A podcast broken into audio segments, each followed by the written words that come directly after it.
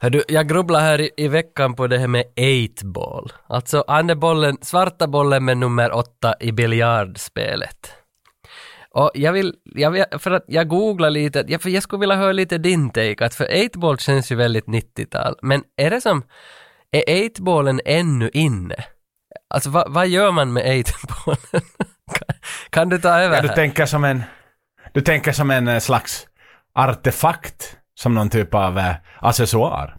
Ja, alltså överlag, man ser ju fortfarande 8-ballen i stadsbilden. Alltså på olika ekiperingar och, och liksom i, taggar och i, i, i vad, vad ska man säga, cykeltunnlar. Nyckelring är det första som kommer till mig. Nyckel, ja, för jag, jag ser den i tunnlar, då folk har liksom sprayat den i tunnlar, i cykeltunnlar, lite taggar och så ser man den på t-skjortor och kläder och sådär. Alltså, jag funderar, därför googlade jag att vad, vad, vad, what's the meaning, eight ball meaning, men det kom ju upp så jävla mycket olika saker, så jag funderade, jag trodde att eight ballen och överlag biljard var en 90-talsgrej, men det är som ännu, ännu nog poppat både skateboarda och spela biljard.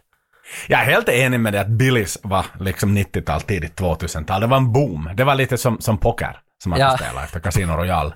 Det var, sen dog det ut. Alla får ju, till och med Vasa hade en biljardhall. Lilla Vasa hade en ansedd biljardhall mitt Ah, i där på, centrum. Men på Kalles, hette Kalles, hette i, i Olympiakvarteret. Kalles och Potter, Kalles hade ju och sen Potero, mitt i centrum. Aj, Potter också. Jo, jo, jo, En jo. sån här sunkpub. Jo, just jag minns ju faktiskt. Dit gick man spela. Billys, som man sa i Vasa. men, men då jag googlade 8-ballen så, så stod jag att han används främst i knarksyfte. Att, att, Jo, jo, att, man får ju en 8-ball. Det är ju väl ett mått, om jag har fått Jo, förstått alltså, det hela. för- Can I have an 8-ball? Ja, då jag visste inte för att 8-ball är ju en blandning av crack och heroin eller något liknande, så det kallas för en 8-ball, men det är nog början på 2000-talsgrej. Men nu om du ser en 8-ball i något knarksammanhang så betyder det att det är en åttondel av en ounce. Alltså någon sån där tre- Exakt. 3,5 gram knark. Om du ser det i en diskussion om knark så vet du att det, det handlar om storlek, eller mått på en beställning.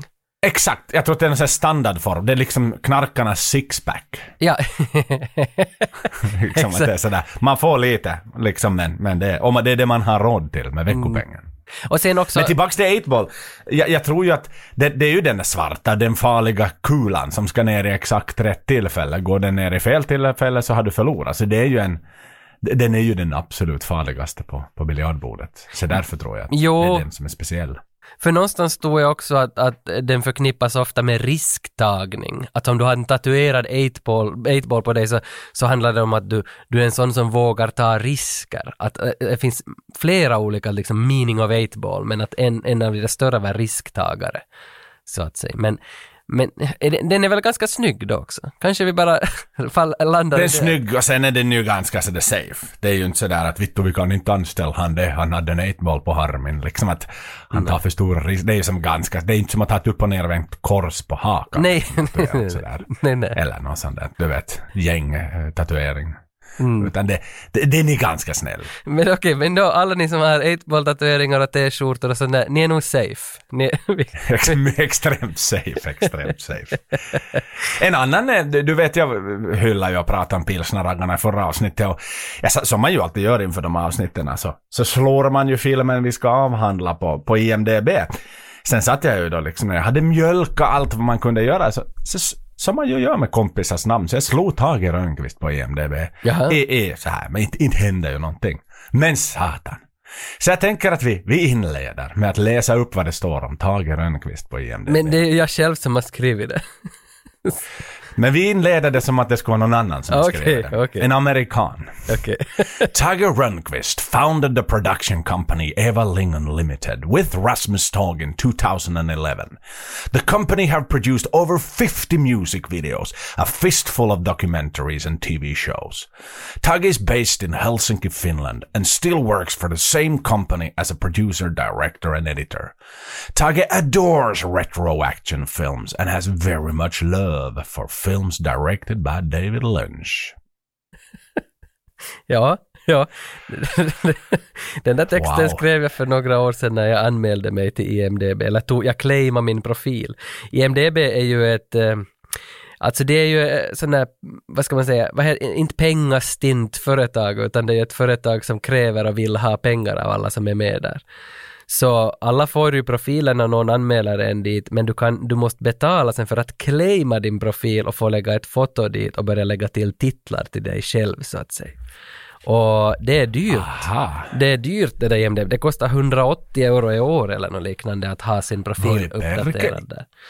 Ja, Aj, det är så pass. Så det är inte liksom, det är inte Wikipedia alls här. nej, nej, det där har jag själv skrivit dit och de där titlarna som är där har jag själv laddat dit och, och eftersom jag nu har makten över min profil och makten över liksom en del IMDB-ande så kan jag lägga dit också våra gamla filmer till exempel från gymnasietiden så skulle jag kunna anmäla dit och lägga dit posters på dem och vem som har varit med och sådär så har du plötsligt också en IMDB-profil. Men du kan inte göra något med den om inte du betalar åt företaget.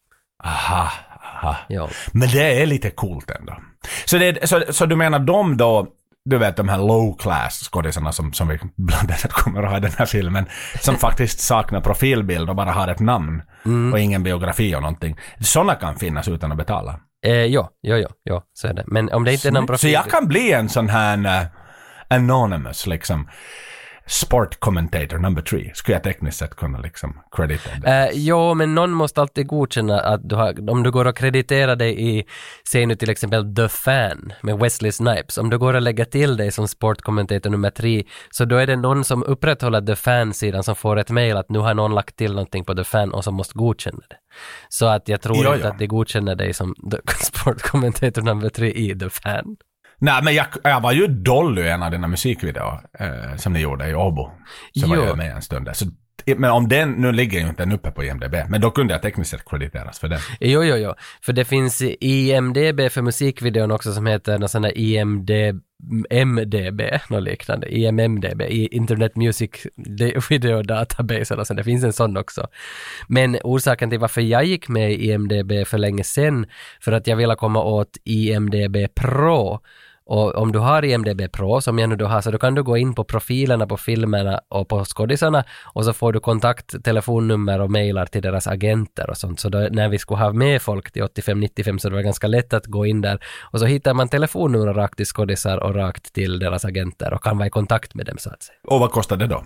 Äh, Det är det detsamma, 180 euro i året så har man. Ja, ja, det ingår i alla fall, så du har liksom två, Ja. två, två eh, förmåner för, för en peng så att säga. Ja, ja. Oj, oj. Och det drabbar väl ingen fattig finlandssvensk människa som får det där. Nej, men om du, om du delar det på 12 månader så kostar det ju vad fan, sån där 17 euro i månaden då. Och det är väl typ 50 000 kronor eller vad det nu är. Typ, alltså det är två streamingtjänster. Ja. Lätt som det äter upp kostnaderna. Vilket ju så här tar oss tillbaka, sluter cirkeln till VHS-filmerna. Det är någonstans, jag förstår att du har sagt upp alla abonnemang du har hemma. Och sen är det Jo. back to the roots istället då. Jo, jo, jag tycker det är så fånigt nu för tiden, de här streamingtjänsten. Du hittar ingenting där mera som är äldre än 2022. Det är bara liksom nya saker. TikTok-generationen måste födas och frodas hela tiden.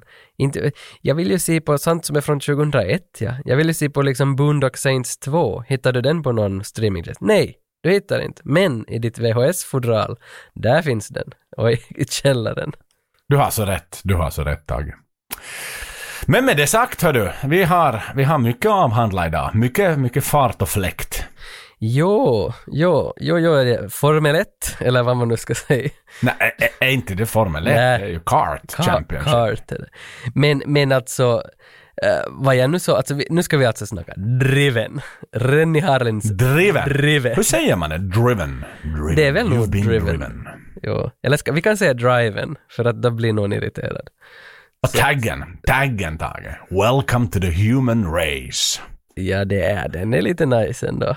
Den, den är, Den är så jäkla slug. Welcome to the human race. Och den passar förvånansvärt. Om du skulle summera filmen så är det faktiskt human race den handlar om. Den här mer än, än bara race. Ja, ja, ja. Och, och den passar ju oss på något vis, för Finland är ju ett, ett formulaland så att säga. Vi har ju Vi har ju haft genom åren jättemycket Formula Häkkinen och Räikkönen och nu har vi väl Bottas som är där. Jag är inte så själv så intresserad av Formel 1 eller motorsport överlag, men, men Finland, i vårt land så älskar vi ju motorsport. Och, och, och en side-note på det så jag har ju faktiskt träffat David Coulthard på Frankfurts flygfält för några år sedan.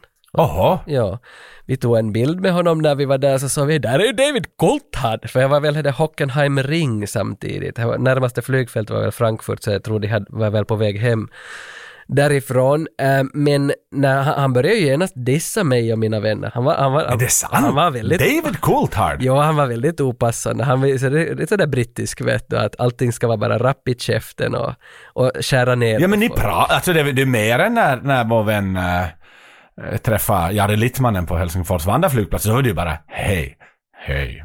Utan ni pratar. Ja, ja, för att, jo, jo, för vi, vi, vi var ju en grupp på fyra personer och, och, och, och vi, var, vi var inte bedruckna men vi var väl liksom, vad ska man säga, vi hade varit med om en sejour session när man kanske hade druckit lite och vi var på väg hem tillbaka till Finland. Och sen så, han började dissa oss direkt och han, han var väldigt, eh, inte så hemskt politiskt korrekt, han var väl själv ganska bedrucken kan jag tro också. Han, men han var ju sådär brittisk vet du, att det var ju som, allting var bara på ytan hela tiden, han var ju som sådär rapp i käften hela tiden, sådär som han, för han är väl kommentator för någon brittisk kanal för Formula tror jag, så att han är ju, han är ju vig i det där munledret men jag tror, men vi blev nog lite kärrade att, att vi vill ha en bild med honom och så, och så kommer det sånt här att han bara direkt börjar dissa oss. Så att, Ah, det är förskräckligt. Förkastligt. Förkastligt. Att han som mediatränad profil liksom väljer att, Ja. att gå i, i offens direkt liksom. Det, Ja, men han, han, såg lite, smälta. han såg lite stökig ut sådär i blicken. Så jag tror att han var lite, kanske han var lite bedrucken. Tror du han hade morkis dagen efter? Eh, nej, jag tror nog att han, han är väldigt rapp i käften till alla som kommer och vill ha en bild med honom. Han är väl, han är väl, han är väl sån. Vad händer där ute? Oh shit partner, blod överallt Lämma kroppar, allt kallt Säkra spår, spärra av crime-scenen Knacka dörr, hör vittnen lås in svinen You got to keep them bastards low in front of us. MIA John Doe. You got to grab and stab their flow and glow. For what reason I don't know. Shut them up, gag them, cuff them, bag them. You filthy folks, you still some motherfucking road. These guys are P-R-O-S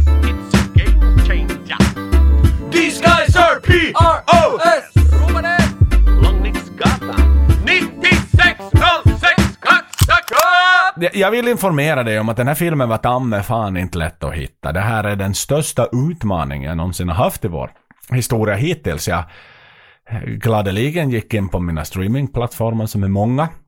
Började söka efter den här filmen. Nej, ingen noll, noll träffar, noll resultat. Ja, men vi får, vi får öppna plånboken då.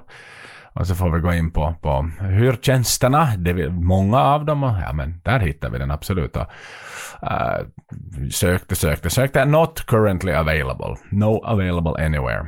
Aha, nå, nu fick jag ta till min sista liksom resurs. Jag är en resursstark man. Jag har en sån här tjänst där man får tag i det mesta. Som jag också betalar lite för, lite som IMDB Pro. Tänkte, men här, här, här griper vi den. Icke sa Nicke. Ingen träff där. Så började jag bli svettig och förhandla med dig nästan om jag skulle byta film där, för jag, jag fick liksom panik.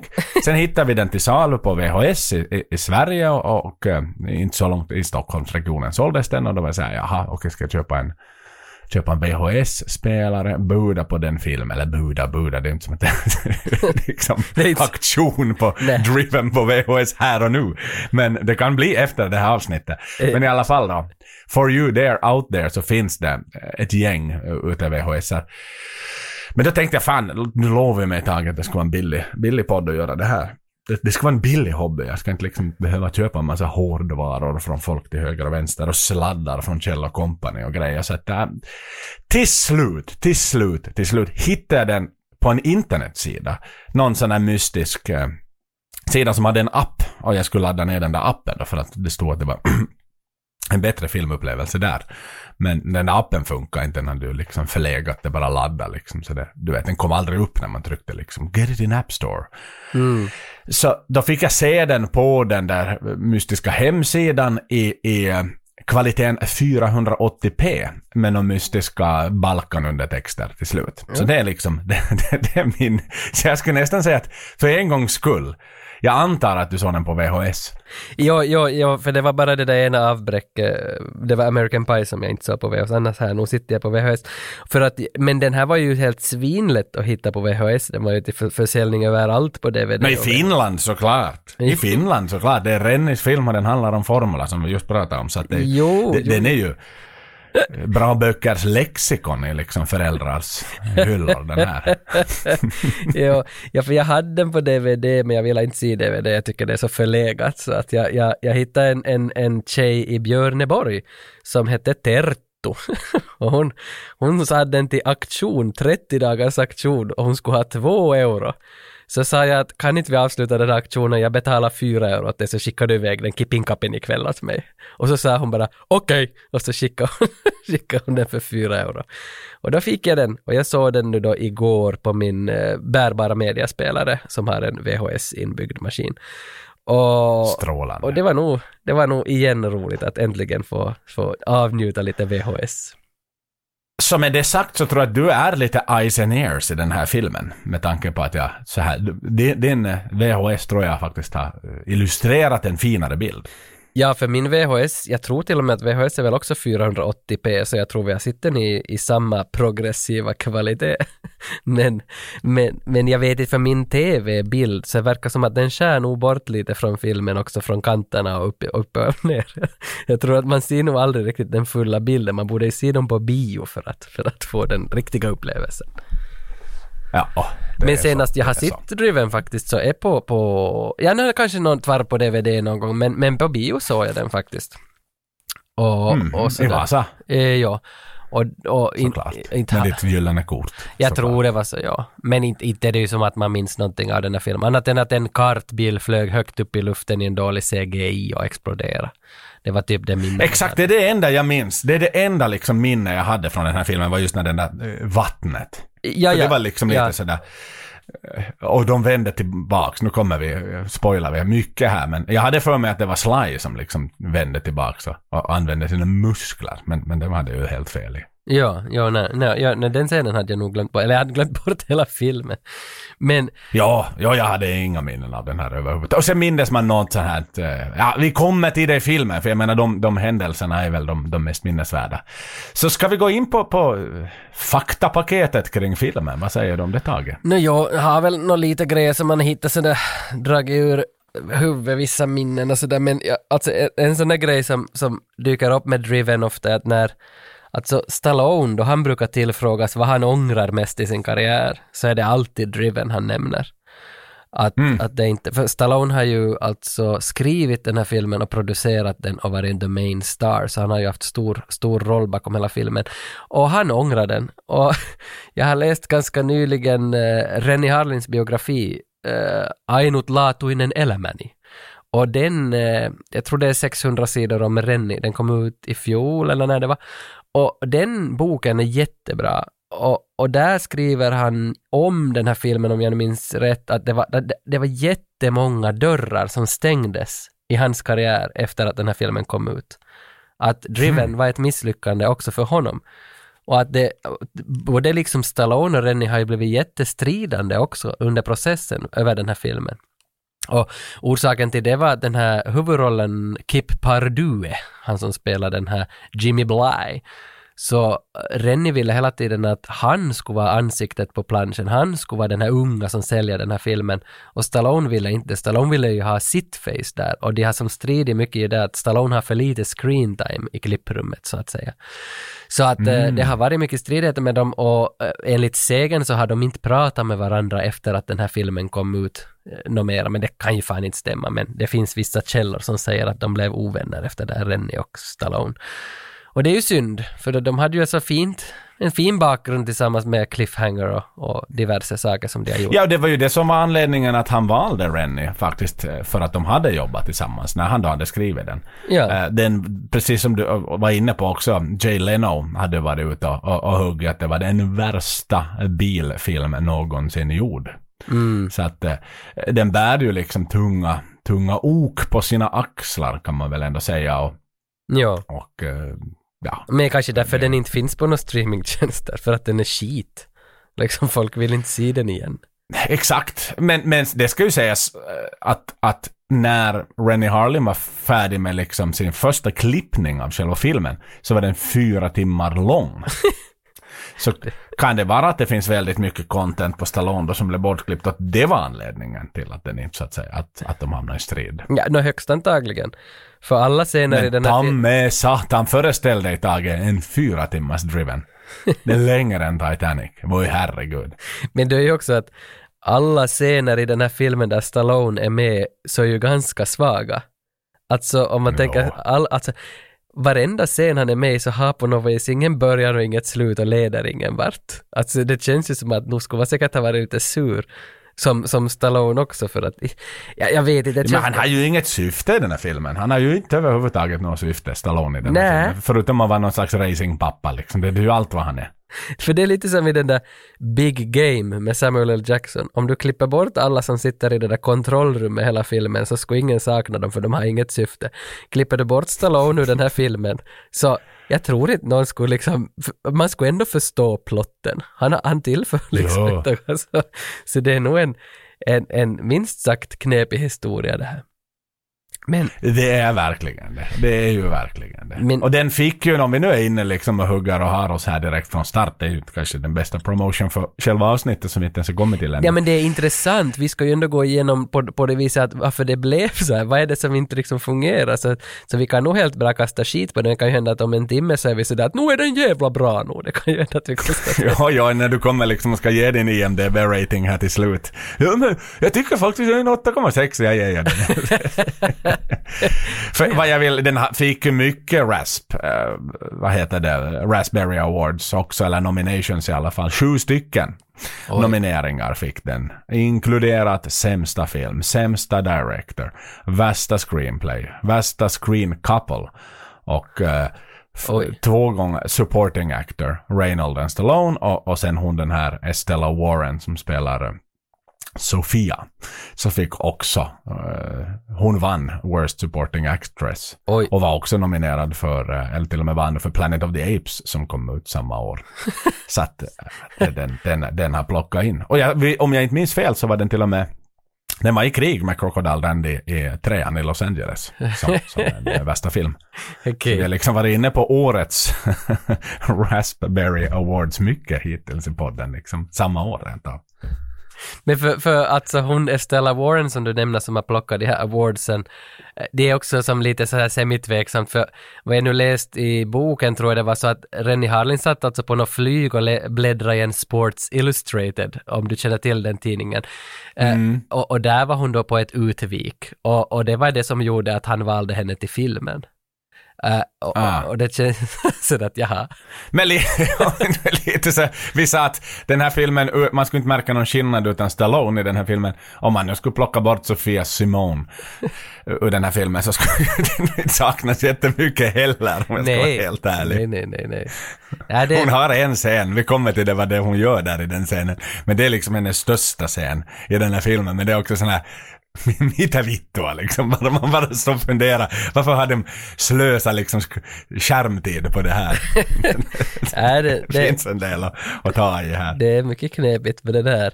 Men äh, vad jag nu som skansar mig till är att, att filmen skulle egentligen nog handla om Formula 1, alltså Formula 1.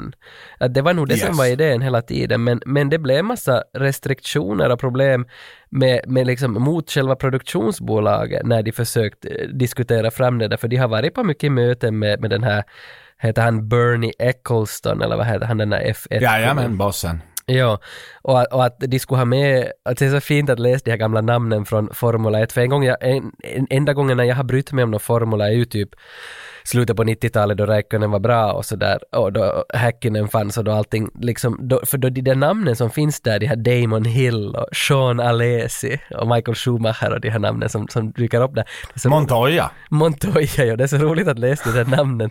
Och, och i den här filmen skulle ju Damon Hill och Sean Alesi vara med också, men alltså som, vad som nu har skitit sig med Bernie Eccleston och Stallone-gänget, så det vet jag inte liksom varför det, det sket sig, men Men Ja, det handlar väl om att han var ju så här när han filmade Judge Dredd i Europa är ju den inspelad. Så då syntes han mycket liksom på olika Formel 1-evenemang. Så han var och kollade på de europeiska racerna och det var egentligen då han blev liksom väldigt intresserad av, av racing och så vidare.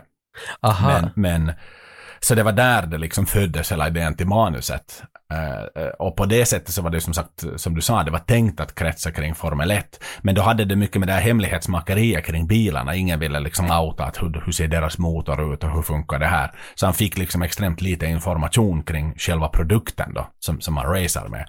Vilket det gjorde att det var, det var ett så slutet system, Formel 1-världen helt enkelt. Man vill inte liksom avslöja sina hemligheter så att det eventuellt kan komma i händerna på konkurrenter. Så då valde man ju den mycket mer, vad ska vi säga, mindre kända eh, Champ Car, som ju var någon typ Champ Car World Series, som egentligen bara pågick mellan 2004 och 2008. just det, så det, informativt det, berätta om, om, om Champ Car, så att det är samma vinnare under samtliga år. Sebastian Bourdais hette han som, som eh, en fransman då, som vann alla de här Eh, tävlingarna. Men som sagt, det var ju en så här, skittävling. Det är inte ens Indycar liksom, utan jag har aldrig hört om Champ Car World Series sådär. Det är sådär pensionär, det är som att gå till MLS liksom och spela fotboll efter karriären. Liksom. Precis. Klassiska MLS där man, när övriga världen höll på med straffsparkar för att avgöra matcher i slutet, så MLS hade ju någon straffsparksmodell att man skulle springa med bollen likt ishockey mot målvakten och skjuta. Och det, det, det, det funkar ju inte helt, så de slutar ju med det då. Men MLS ska ju alltid vara lite annorlunda. Men, men det där Uh, ja, alltså det som det här handlar om, Champ Car eller Cart, så jag att det förkortas någonstans, att det är det som det handlar om, den här driven. Men vet, alltså, känner du nå motorsportens olika grupperingar, de här Formula 1, Formula 2, Indycar och Atlantic Kart och allt vad de heter? Att, har du pejl? Du har ingen... Formula 3000 tror jag att det finns. Och, eh, Ja. Go-Kart, Vasa Karting Center finns, fanns i alla fall. Ja, ja, det, Firmagubbarna som kom efter några långkärran och körde. Det är ungefär det jag kan. Ja, ja, ja, okej. Ja, men för vi behöver ju inte vara experter på, på det här med kart. men men Nej, det, I eh, Le Mans, 24 timmar finns det väl. Jo. Som jag var inne på, Indycar. det finns, det finns också det. Destruction Derby Ja, finns ju. ja Carmageddon finns också. Carmageddon finns också. Så att det finns en del olika Men- sätt att framföra ett fordon på. Fiesta-race i Vasa förstås. Men alltså. Mario Andretti och Kenny Bräck är ju båda omnämnda i filmen om man ser Och Mario Kart, på tal om det. Mario Kart också. Men ha, Kenny Bräck är väl jättekänd. Alltså kör han Indycar eller kör han kart? Pass. Han körde bil. Han, han, han är ju faktiskt från Sverige och jättebra på det här med att köra Ja. Mm. bil. Ja, ja, ja. Det, det som är Men, det, men som sagt, Formel 1 är ju liksom, det är champagnen av, av racing, det vet vi ju alla. Sen finns det då en massa sådana här, ja men det finns ju fler racingchaufförer än 22 eller hur många de nu är i ett Formel 1-race liksom och de måste ju också ha ett jobb. Ja, så de kör Formula 2. Ja, exakt. Men vi kommer ju i, alltså hela filmen börjar med den här tävlingen hypas ut av bara satan liksom det. Så kommer en faktaruta i början av filmen där det står 900 miljoner tittare. 250 miles per hour, 20 race, one winner. Så börjar ju hela filmen. Och där är nog svårt att tro att det är 900 miljoner tittare på det jävla Champ Car World Series som inte ens jag och du har hört talas om det. Hur många har liksom eh, eh, VM-finalen i fotboll till exempel i jämförelse med 900 miljoner tittare. Jag Ja. har extremt svårt att... Ja. Om det då är Sly som har tvingat Rennie att liksom lägga in den här faktarutan i början för att hypa upp den här filmen och sporten de ska då presentera. Ja men så är det ju garanterat, för det är ju egentligen säkert 90 miljoner så har de bara slått en nolla till. Att det Sätt en bli- till nolla, sätt en till nolla. Ja, ja, ja. Exakt. Kanske det var 9 miljoner i början, eller 9000. Vem vet? Mm. 9000 on the läktare. Really bad. Ja. Ja. Men, men, eh, Men vad har vi för... Ja, förlåt. jag, jag, jag bara vill nämna att det, det som är roligt här är att Rennie Harlin gör väl två cameo-roller i den här filmen. Han syns väl två gånger till och med. Han är ju en kartchaufför han också. Och, och jag tror de är i Japan eller Tokyo eller vad det nu är. Möjligen det är Chicago, jag minns inte vad det var. Men där ser man Rennie då han går till parken med ett barn.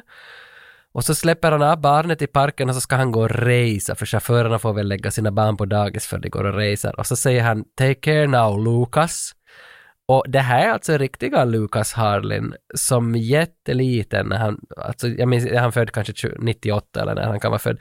Och han är ju, Lucas är ju idag med när Rennie gör film, så Lucas jobbar ju för Rennie, eller Lukas som han kallar. Han, han är, Lukas. så, så det är så roligt att se Lukas. Han har ju varit mycket i Finland med Rennie, den här Lukas, så det var så kul att se honom i den här filmen som ett litet barn. Och sen en annan sån där cameo som jag såg är att uh, lyxhotellet i filmen, det finns en del lyxhotell, men ett av de där lyxhotellen heter Hotell Selin.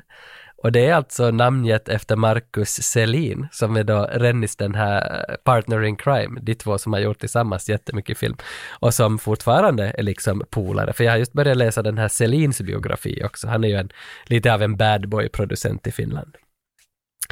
Så att Men det är ju, men det, alltså René har ju alltid haft sin, han har ju alltid haft de här finska elementen. Det är ju massa finska flaggor alltid vet du på de här eh, Ja, oh ja. podiumpresentationerna. Så alltid en finsk flagga som syns först och sen var det nu till och med, man hörde en finsk kommentator hörde man liksom där eh, i förbifarten också som, som för att det var så då, eh, av de här 900 miljoner tittarna så det är klart att då MTV3 i Finland har köpt rättigheterna och då hör man liksom i förbifarten en finsk Formel 1-kommentator som pratar och sådär. Men så är det ju alltid varit, det har varit Finlandia flaskor och det har varit ditten och datten i alla hans filmer. Han har ju alltid lyft, in, lyft upp filmen, Finland väldigt, liksom på ett, på ett hedervärt sätt får jag ändå säga. Jo, menar- det är ju någon film som man har Det- en det- finsk flagga på hela fallskärmen och de hoppar ut ur ett flyg. Är det månne Long Kiss Goodnight eller vilken det kan vara?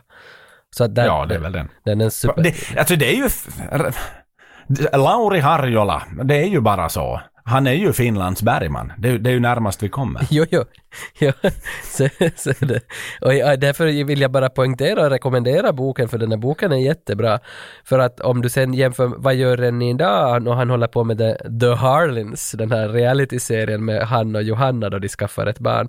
Men, men det som är intressant med Johanna, Johanna Kokkila som han, eller hon heter Johanna Harlin idag, hon är från Björneborgstrakten och hennes familj har någon kafeteria på Björneborgs torg. Eller hur det låter till med Hon kanske är släkt med hon som sålde filmen åt dig. Eh, ja, jag vet, vet, det var ju också från Björneborg. men, men det som är intressant med Johanna är att hon har ju suttit i Mackans gamla Audi. För att hon, hon, hon har ju gått på Åbo Akademi, hon är ju alltså finlandssvensk. Och hon, Jaha. hon är ju typ eh, 30 ungefär och Rennie är väl närmare 70 men de har nu sitt kärleksförhållande och har fått den här barnet ganska nyligen då, Koko. Barnet nu då heter, jag tror det är Koko det heter. Ja, så att där har du ett litet paket om Rennie, dagens Rennie och sådär. Han gör ju fullständigt, alltså han gör ju film hela tiden fortfarande. Han är ju i full gång hela tiden. Men det är mycket straight to DVD va? Eller ja, Det är straight väl- to streaming kanske? Ja, enbart det kallas idag. Ja, för den här senaste jag såg av hans, de här nyare The Misfits med Pierce Brosnan, han har ju nog stora namn nu i, i filmerna och får säkert ganska stora pengar för dem. Men The Misfits så kändes ju som att det skulle ha varit 2001. Alltså de där filmerna är ju... Ja, jag såg halva den faktiskt. Gjorde jag, sen stängde jag av. Ja, det, det, Jag, jag kunde inte fortsätta. Nej, den var ju vidrig. Men... Den var horribel alltså. Jag tänkte att fan vad kul. Jag tycker ändå att Brosnan har liksom, så han har åldrats väl och gjort spännande filmer. Jag såg någon nyligen med Brosnan liksom när han var någon polis som jagade någon professor eh, som spelades av Guy Pearce. Eh, För någon sex, sexbrott sådär. Du- Han spelar en somber och stabil roll och det tänkte jag att nej, men vad fan, det kan inte bli så skit. För jag tycker att han, han väljer ändå, väljer bra filmer. Men icke sa Nicke. Den var så hemsk så jag kunde inte se klart den. Nej, och kände du också att det var 2001 när du såg på den? Ja, ja men det var nog det. Det, det, det kunde vara Driven 2 liksom. Det, var- det var... Nej, fy fan ändå. Men går vi in på andra stjärnorna i filmen, vi är ju ändå yppa liksom kring, kring uh, writern då. Förstås, det är ju Sly och sen är det Rennie som har gjort den. Det, vi, vi, vi har superstars i filmen. Det är ändå Burt Reynolds och Sly som är faktiskt liksom som bär den här filmen på något sätt namnmässigt på postern. Jo, och Stallone känns ju som en sån där som Alltså, vi, vi har nu gjort hundra avsnitt där han har nämnts varenda gång och, och vi, vi vet i 85-95 för mycket om honom redan så jag, jag, jag, orkar, inte, jag orkar inte gå in på Stallones bakgrund. Han är skådis, han har varit Rambo. Det, det är väl det. Det som man kan nämna om Stallone är att han har ju också nu en realityserie om sin familj som heter The Family Stallone som går på Paramount Plus eller Sky Showtime, men då den har inte kommit till Finland ännu så jag har inte fått se något avsnitt av The Family Stallone ännu, så att jag har inte, jag, jag vet inte om den är bra eller skit. Nej. Nej, och sen den andra då, Burt Reynolds, inte i liv längre, vila i frid, dog 2018. Pappa till Ryan. Också en gigant back in the days naturligtvis. Ja. Gjorde filmer fram till 90-talet. Åtminstone det här är väl en av hans eh, sista filmer om jag nu inte har helt fel.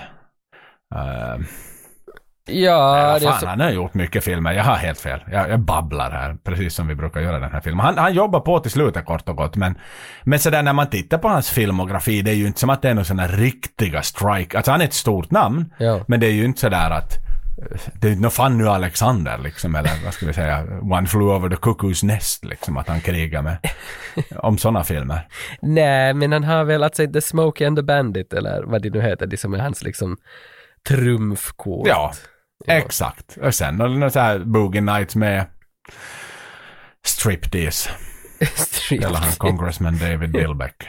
Deliverance, Deliverance är väl han med också i. Men, men alltså, det hade jag inte, alltså Welcome to Wrexham med Ryan Reynolds, alltså Deadpool, det är ju en fantastisk fotbollsserie på Disney+. Plus. Men eh, det har jag aldrig haft koll på det att är Burt Reynolds alltså pappa till Ryan Reynolds? Ja, eller nog är han ju det. Eh, Jag, jag, Har du inte haft koll på det? jag har aldrig tänkt tanken alltså. Nej, hur fan har du inte gjort det? Nej, jag vet Det är inte. inte ganska uppenbart. Jag måste googla. Ryan Reynolds dad. Jag ser, ser vad det står. Ryan Reynolds, eh, hans pappa heter James Chester Reynolds. Okej, så det är inte Jaha. Reynolds. Jaha, då hade jag fel. De, de var, jag, jag, jag satt... jag satt och bara... Jag har alltid bara tänkt att det är klart, det är nepotism så det bara sjunger om det. Som alltid. Jag älskar att du har, har tagit, för jag har aldrig ens tänkt tanken att de är släkt med varandra och tydligen är de inte, för Ryan Reynolds är väl från Kanada. Jag vet inte varifrån Burt Reynolds är men, men, men jag älskar ju att vi får det här utrett här nu publikt så, så kan de här våra belackare fortsättningsvis höra av sig, för alla som hör av sig till oss säger ju alltid något negativt. Satans Ja, idioter! Vet ni inte att det är Brand Ja. New Heavy som spelar han den låten i American Pie? Det är ju deras låt, inte är det något satans uh, jävla band med något satans uh, egyptiska teman är ju Brand New Heavys, deras låtar. Så, så, Ja, ja. Så- Nej, för han är born in Lansing, Michigan. just det. Och Michigan är väl i Satan. Amerika. Men ja, Men man, det kunde mycket väl ha varit. ja, det, det, borde, det borde vara, det borde vara. Det borde vara. nu vet jag jag tycker inte- vi ska ha en, en namninsamling så att det blir så. För Ryan Reynolds pappa är tydligen business person James Chester Reynolds. Han är en businessman, okej. Men vad Okej. roligt, för det här kände jag inte till. Nu vet vi vem Ryan Reynolds pappa är. Och sen de andra stjärnorna vi var lite och, och, och, och tassa på dem, det är ju Till Schweiger som eh, spelar den tyska racingchauffören.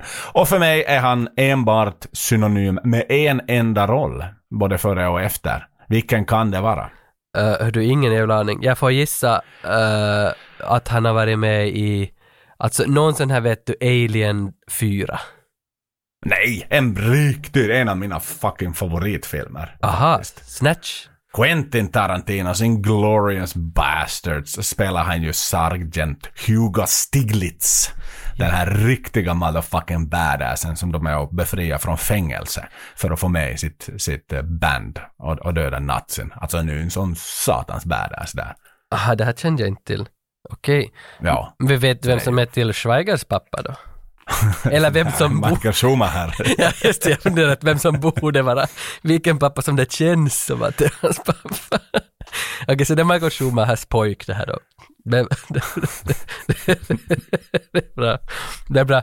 Eh, den där Kip Pardue läste jag lite på faktiskt, eh, för att honom känner jag inte till att han, han har ju varit en sån där som var jätte, jättelovande. Han hade varit på topp 10-listor på Most Promising Actors 2000-2001 någon gång. För att han kom från den här Remember the Titans med Denzel Washington. Och efter det gick han då till den här Driven. Men efter Driven så verkar det som att han bara har gjort skit. Alltså att dörrarna också stängts efter Driven. För honom. Rules of Attraction. Eh, den är väl typ samma år? Eller var det Ja, något år efter? 2002. 2002, ett år efter. Ja, ja, okej, så, men den hade han säkert spelat in i samma skede, typ att ingen, ingen har vänt ryggen. För sen när man ser sen så, så är det ju typ Hostel 3 som, som han har varit med Ja, ja, ja. Men, men jag såg Men han, att, han kämpar ju tappert på. Men han är ju med i så här en del tv-serier. Men det är verkligen liksom, han, det är en episod i en tv. Ja. I Hawaii 5 liksom Law and Order, en, ett avsnitt. ja, men det Han är var- med i jag- Resident Evil 7. Ja men det, det var det som jag märkte att det var bara one, det var bara one episode hela tiden av allting. Och, och sen blev jag så glad för att han har ju tydligen varit i en roll i Seventh Heaven. Och Seventh Heaven är ju... är det sant? Jo, jo, jo. Världens mest cringiga serie i hela världen. jo. Och, och det var jag märkte med Seventh Heaven när jag kollade upp för att jag har alltid velat diskutera Seventh Heaven med någon. Och Seventh Heaven har börjat 96 och slutat 04. Så under alla våra år i 96-06 så har Seventh Heaven gått. Så vi borde ju nog göra ett avsnitt om Seventh Heaven. Jag vill lyssna på musiken nu, jag avbryter dig. ja. went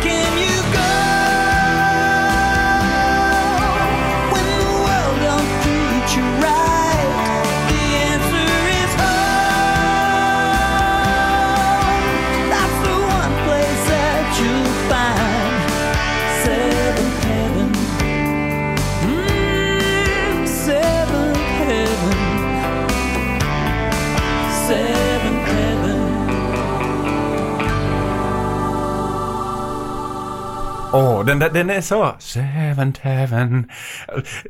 alltså, det finns inte en mer moralisk. Jag minns den där storebrorsan någon gång, han... De hittade typ en joint i hans rum, eller han luktade. Han luktade som han hade rökt lite pott. Ja. Och det blev, hela avsnittet liksom handla kring det, liksom den här moraliska, hur fel det var den när då rättvisa pastorpappan. Fy fan ändå den. Och de har ju hur många barn som helst liksom, det är ju säkert lästadianer. Jo. Och, och de flesta av de där barnen i serien har ju alla blivit som någorlunda kända skådisar efter deras serie. Alltså, Ja, men inte kippar du, men han var inte ett barn. nej, han var bara med i några avsnitt. Han, var inte, han hörde inte till familjen. Han hette bara Chris. Det var säkert han som sålde marijuana åt storebrodern. Ja, det kan hända. För att Seventh Heaven är ju nog alltså, det, det är nog en, för den där, varenda avsnitt handlar ju i princip om att något av de där barnen gjorde något eh, moraliskt fel och sen använde Bibeln för att, rätt, äh, för att liksom styra dem i rätt håll. Att vi fick, eh, genom något budskap från Bibeln så fick man lära sig hur man på ett kristet sätt ska tackla den här svårigheten istället för att göra, göra dumheter så att säga. Och, och jag, jag tror att vi behöver nog ta oss an, vi skulle kunna ta ett helt avsnitt som vi bara behandlar ett avsnitt på 25 minuter av att det, Vi, definitivt. Vi kan göra. Sen när vi startar Patreon så kan vi göra lite sådana små extra, eh, små tweaks där. Så jag hoppas du har anteckningsblocket framme i alla fall. Jag tänker summera innan vi går in i själva storyn. Det är ändå så pass mycket boldness fanns det ju bakom den här filmen att man då beställde, beställde ett, ett, ett videospel, ett tv-spel av det här också. jaha, så det släpptes för, för Game Boy Advance, GameCube och Playstation 2. Och jag spenderade ungefär 15 minuter på YouTube och tittade på lite gameplay-videos från Playstation 2 på spelet. Oho. Och, och det var ganska vedervärdigt måste jag säga. Det var, det, det var som ett mycket sämre EA Sports Formel 1-spel, för de spelar mycket på Playstation 1 och 2. jo. Så att, ja men för horribel variant på det. Det var liksom jättedålig hur bilen rörde sig och allt sånt här. Så Men, var, men ganska satsat ändå. Liksom att man ändå är satsat klart, stora pengar en på marketingen. Tror jag det. Ja, men man satt ju pengar på den här filmen och går vi in då på vad den har kostat och, kostat och, och, och tillverka så att säga. 94 miljoner hade man med sig i, i, i sin lilla portfölj när man började spela in den här filmen. Och öppningskvällen då som skedde den 27 april 2001 gick upp på 1400 biografer om jag nu inte minns helt fel. Så, så eh, Nej, 2900 biografer, jag ber om ursäkt, så väldigt många. Så den, den plockade in 12 miljoner plockade den in på öppningshelgen. Ja. Och tittar vi hur mycket den plockade in totalt i USA så var det 32 miljoner. Lägger vi till den internationella publiken på 22 miljoner så landar vi på Tutti Balutti 54 miljoner. Så den gick ju alltså back nästan, nästan 50 miljoner den här filmen att göra. Oj. 40 miljoner för att vara specifik. Så det var ju en, en, en flopp kassamässigt. Oj. Det visste jag inte att det var så där stort. Men, men René är ju lite, Han är ju en av floppens mästare, han har ju gjort många ekonomiska floppar.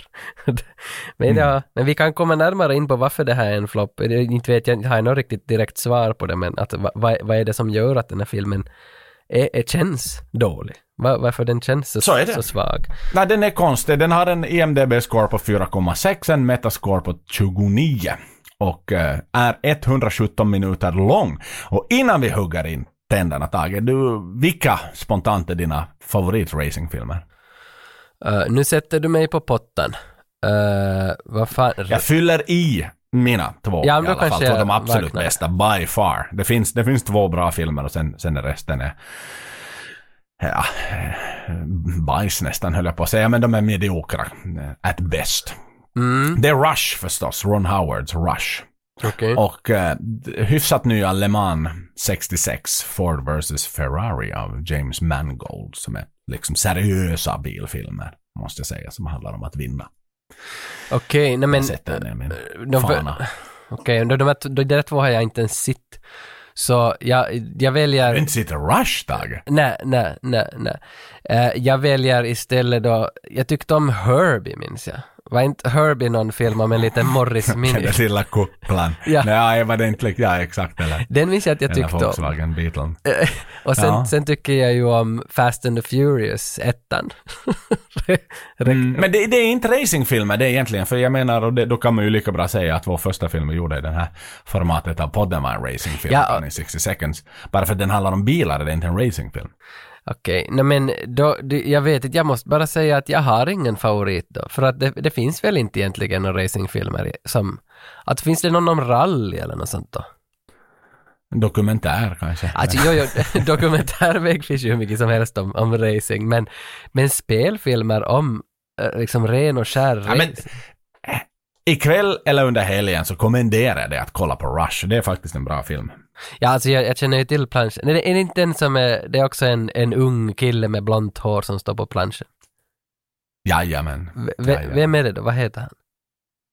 Nej men det är ju en, en riktig film. Uh, sätter du mig på pottan här. Fast det var din favorit. Jo, men det är en bra film. Alltså varför- det är ju Daniel som Ja, Daniel är ju- ja. Precis, nu ser Och. Chris Hemsworth. Så det handlar ju alltså om den här eh, konkurrensen mellan Nicky Lauda och James Hunt. Så det är ju liksom en auto, autobiography kan man väl på ett sätt säga att det är. Och nu ser jag planschen och jag ser att det är Chris Hemsworth som är den där blonda som jag tänkte på. Alltså Thor från Marvel-universet. Precis. Exakt. Ja, ja, ja, ja. Okej, det var därför jag minns den. Ja, ja, precis. Ja, ja, ja. För att det har ju sagts många gånger att jag är väldigt lik Chris Hemsworth. Att vi har Mm. ganska samma utseende, speciellt då han är med i de här Boss-reklamerna för Boss-parfymer och sånt. Att på de bilderna så liknar han väldigt mycket mig. Eller, eller ja, att han liknar mig. Jag liknar inte honom, utan det är andra vägen. Ja, ja. Det kan jag se. Ja, Det kan jag se. Men vad fan Tage! Ska vi dra igång en högoktanig trailer här? ja det tycker jag. Good luck today. to race with courage, Everyone falls down. It's just how fast you get up. love with passion, Don't blow this. Not over her. to risk it all. I can't do this. Don't overdrive the car. You must be driven. Rated PG-13. Som sagt, filmen börjar med faktarutan om att det är 900 miljoner tittare, 250 miles an hour, 20 race, one winner. Och då klipper vi snabbt till en racingbana. Kommentatorerna rabblar på Jimmy Bly, en ny up and coming racerförare som hotar Brandenburgs tätposition i racer. Han är den etablerade chauffören. Märker du här, precis som jag sa här då, Rennie klipper in de finska kommentatorerna här och var. För det är ju ett montage av en massa race. Ja, ja, den är ju nog stabilt gjord den här introduktionen. Alltså, nu, nu drar den ju med nu. Ja. Med sån här word clip art logotyper. För att visa vad, vilken racingbana man är på. Ja, men de har ju blivit lite populära nu 2023. Det ska se lite gammalt ut. Så de menar väl inte det då. men, men, men, men bara så att vi har sagt ut de här namnen, de som tävlar hela filmen genom som är liksom nemesis med varandra är chaufförerna Bo Brandenburg som spelas av Till Schweiger och så är det den här unga rookien då Jimmy Bly som spelas av Kip Pardue. Så det är de här som är Yes. hack i häl på varandra genom hela filmen.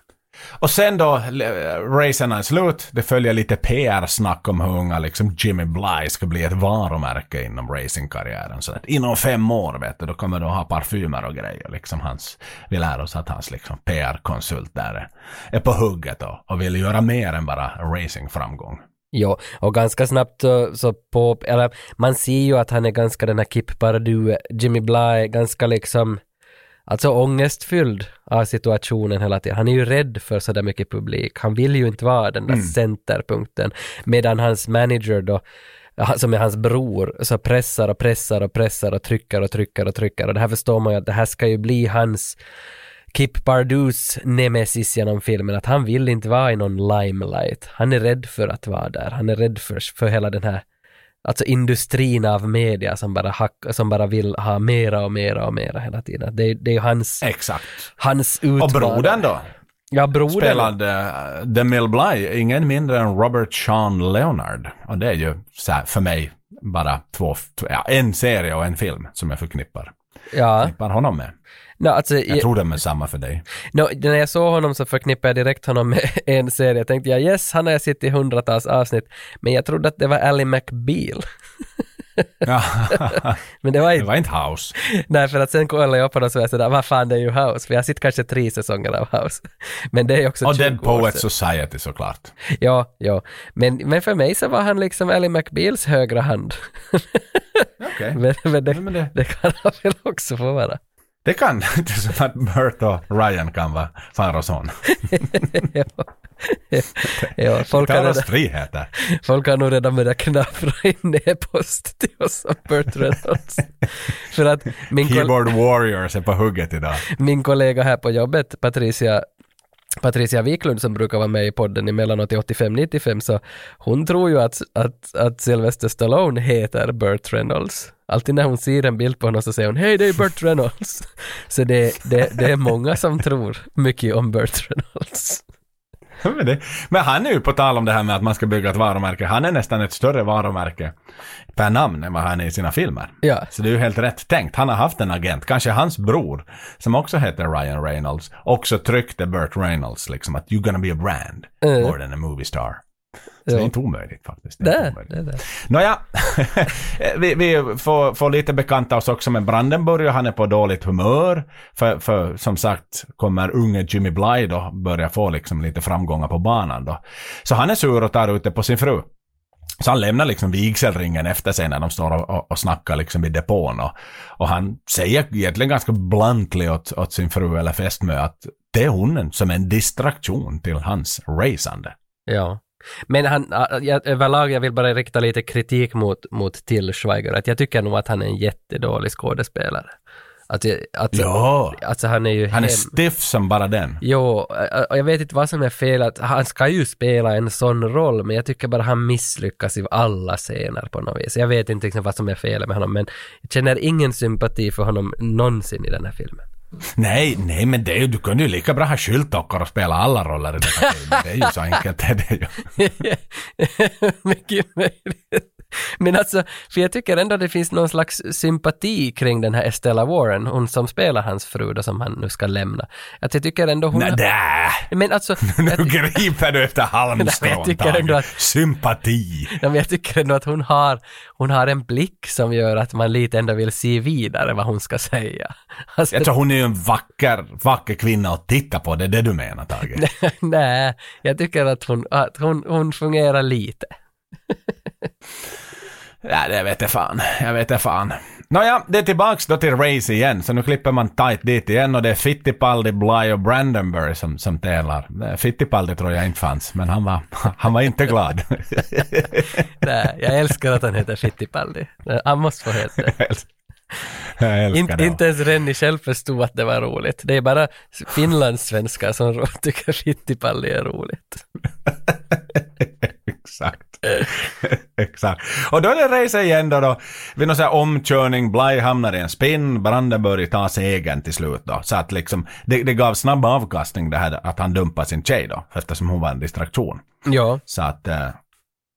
Och då, då började liksom, tänker de då, teamet då med, med Carl Henry eller Burt Reynolds i spetsen, tänker att okej nu behöver vi göra någonting annat här nu för att nu går, går det här, vi håller på att tappa säsongen. Nu ska vi ringa Joe Tanto. Ja men alltså herregud nu okej, Joe Tanto är alltså Stallones karaktär. De ringer honom och vad fan gör Stallone då? Han står i något garage i, i, i liksom avslöjande t-skjortor som visar hans muskler. Han står och eh, Alltså vad är det, han, han står och putsar några bilar liksom. Och Det är så, Jag polerar en bil, en gammal som sportbil. Ja, och sen får han förfrågan att, att hej, du måste komma och hjälpa den här Jimmy Bly för att han behöver lite stöd, att han, han har inte tillräckligt starkt eh, lynne, stark mentalitet. Vi behöver någon som har kört förr och Joe Tanto har ju kört förr då. Vi behöver någon som kan coacha våran rookie lite och då ringer man. Och han kommer ju, han kommer ju, han vill ju direkt vara med. Mhm. Ja, ja, det är ju ingen liksom diskussion så det, no I'm too old, I put it behind me, utan han kommer direkt liksom. Det, Ja, och det är väl det är väl det som är problemet med den här filmen, att det, varenda scen har inget hinder på något vis. Det är alltid bara, det, det funkar, vi går vidare. Inte det. Ja, det är lite så det Tage, ska vi få till frontlinjen i Ukraina? Okej, Ja, vi ses om ja, fem ja. minuter. Det är lite för att det ska gå snabbt. Och redan här, det som har sänts hittills i filmen, det som stör mig mest med hela Driven, är närbilder. Alltså du får ju aldrig någon fucking helbild av någonting så du kan se vad som händer. Varenda jävla bild så är närbild av någons face. För att det är väl billigare att göra de bilderna liksom. Att helbilderna kräver så mycket statister och saker. Och det känns så skit på något vis hela tiden att det var närbild, närbild, närbild, närbild. Man blev, man, jag, blev, jag blev i alla fall stressad av att se på den här filmen. Det var för mycket närbilder. Ja, han har glömt linserna hemma, kameramannen. Mm, Möjligen, eller så har de bara sparat hela tiden. Att vi kan inte ta någon större bild för då måste vi bygga upp ett hus där bakom. Nej, det är faktiskt, det kan nog vara så. Nåja, tillbaks då till, till Paddocken, Dr. Wilson då i det här fallet då, eh, det vill säga DeMille Bly, som jag kom, kanske, jag kallar honom kanske Dr. Wilson ibland, för det heter han i House. Ja. Så, så han, han är arg och ganska elak sådär på att saker inte alls går som i Strömsö och det är här vi märker igen då att man bygger på det här Jimmy, Jimmy och, och, och The Mills liksom. Det blir friktion i broderskapet egentligen. Han försöker pepptaka honom liksom, ja men vad fan du, du hittar nog formen igen. Men, men det är igen så här, totalt. Han är först arg på honom och sen så får han liksom sådär, ja men nu blir det ändå bra. Att det är som, varför ska vi ha med den här scenen? Ja, ja, liksom många andra scener. Att det, det, för att den där, den där friktionen mellan bröderna Jimmy Bly och, och DeMille Bly, alltså den, det, klart att den funkar för den är så tydlig. Här har du en bror som bara pressar sin lillebror och en lillebror som inte vill bli pressad av sin storebror. För Den, den är supertydlig. Så, så de grejerna funkar men det är ju som att de, de vattnar ju ur dem. Det kommer ju hela jävla tiden. Det finns inte någon utveckling i de där scenerna heller. Det är alltid bara det samma. Att Nu måste du fara och göra den här PR-grejen annars så är du en, du är ju en mes. Du är ju vitt du är en mes. Och, och, och Ja. det är som bara Ja, ja, samma ja. upprepning hela tiden. Japp. Nåja, vi förflyttar oss till Toronto då, till racingbanan i Toronto. Då kommer ju Tanto in så att säga i racingvärlden igen. Och vi får någon uppfattning om att Tanto och Brandenburg liksom känner. Det finns en relation, en historia mellan de två. Uh, inte desto mer, men de pratar liksom och så här, så att sannolikt har Brandenburg då som är liksom veteranen i sammanhanget varit med så pass länge så han var med kanske när, var var tidigt i sin karriär när Tanto då satte hjälmen på hyllan. Ja, så, så- så, måste, så tolkar jag Ja. det också, att de har raceat tillsammans mot varandra förr också, de där två. Exakt, exakt. Och så har, har då Carl Henry, alltså chefen för stallet där Jimmy Bly äh, tävlar då, har plockat in en journalist Ja. som ska liksom följa med dem på, på hela resten av säsongen för att skriva en artikel om manlig dominans. Vilket också är spännande val. Inte om racing och hur det är att vara chaufför, utan om manlig dominans. Ja. Det, det är därför hon är där. Ja, ja. Och Tanto presenteras då till Bly så här att hej, här har du din nya mentor. Nu ska ni liksom lära er allting. Men Tanto är inte så taggad på det. Det är liksom ja, han, han säljer inte in sig bra tenta och Bly är inte riktigt mottaglig för att en gammal gubbe ska berätta åt honom hur han ska racea. Du vet hur ung i young gun på det sättet liksom med testosteronvärden över, långt över det normala. Men igen en sån här totalt bajs-scen. Jo, ja, men här, här kommer det ju nog också fram, vad jag nu förstår av det där, att Stallone trodde ju att han skulle få köra. Att han ska racea, men här kommer det väl lite fram också att nej, nej, du ska alltså coacha honom. Och så Stallone blir ju lite, lite ledsen på det här. Och då säger ju Burt Reynolds egentligen ett argument varför han ska istället coacha är att we go way back, säger han ju åt Stallone. Och så säger Stallone, ja, ja, ja, så är det ju, jag kan nog coacha. Att han är inte så svår, svårövertalad, det är bara we go way back och sen är det färdigt. Ja, ja, ja, exakt. Ja, men det är så här tjänster och gentjänster, så han har väl något på honom då. Jo. Men i alla fall, han får ju köra, han får ju köra Tanto. Så Jo, han får han ju ska- sitta i bilen i alla fall och ska ju- testa lite. Jo, jo, han ska ju visa sitt coin trick. Det är väl det här som Exakt. folk minns ur Driven, förutom den där flygande explosionen, att Stallone gör sitt coin trick med bilen.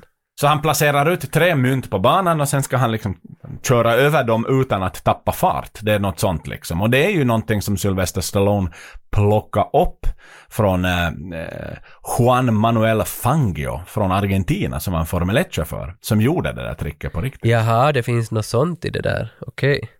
Mm. Så det är liksom ett litet hommage till argentinsk Formel 1-kultur. Ja, ja, och sen så ska ju de här mynten, alltså idén är väl att de ska fastna i gummit. De ska fastna i Yes. däcket också när han slidar förbi dem. Two out of three, huh? Uh, Jimmy, why don't you me go grab a cup of coffee and maybe uh, talk some strategy? The strategy's simple. He drives, you block. You block, he wins. Look, we gotta hit it. We got a big time publicity blitz. Yeah, you probably push that back, can't we, Jimmy? Come on, buddy. It's part of the gig. It's part of the contract. See you later. If you got anything, just channel through me, okay? I channel well. Och här kommer det också fram att han har tidigare kallats Hummer. Alltså Stallones rollnamn tidigare då han körde var The Hummer, för att han, han nynnar när han kör. Han, han, han har Ja. en sån He's the Hummer. Jag tycker att Så det bygger ju mycket upp på hans karaktär här måste jag säga. Liksom, vi, börjar ju, vi börjar ju ha en, en stjärna snart. Men det känns ju nog som att, att bli kallad för The Hummer, så det känns som att det var nog nog alla glömd sekunden efter den här scenen var slut. Det var inte så starkt, det var inte så starkt det där, The Hummer. Det var, det var, Nej, det var ju inte. Det var ju inte. Nåja, träningen är över då. Bly och Dr. Wilson är, är ju inte då heller så intresserade på, Men- men, på det här ja, vi måste ju också bara säga att han- han- som mentor. vi måste ju också säga att han fångar ju nog alla mynten.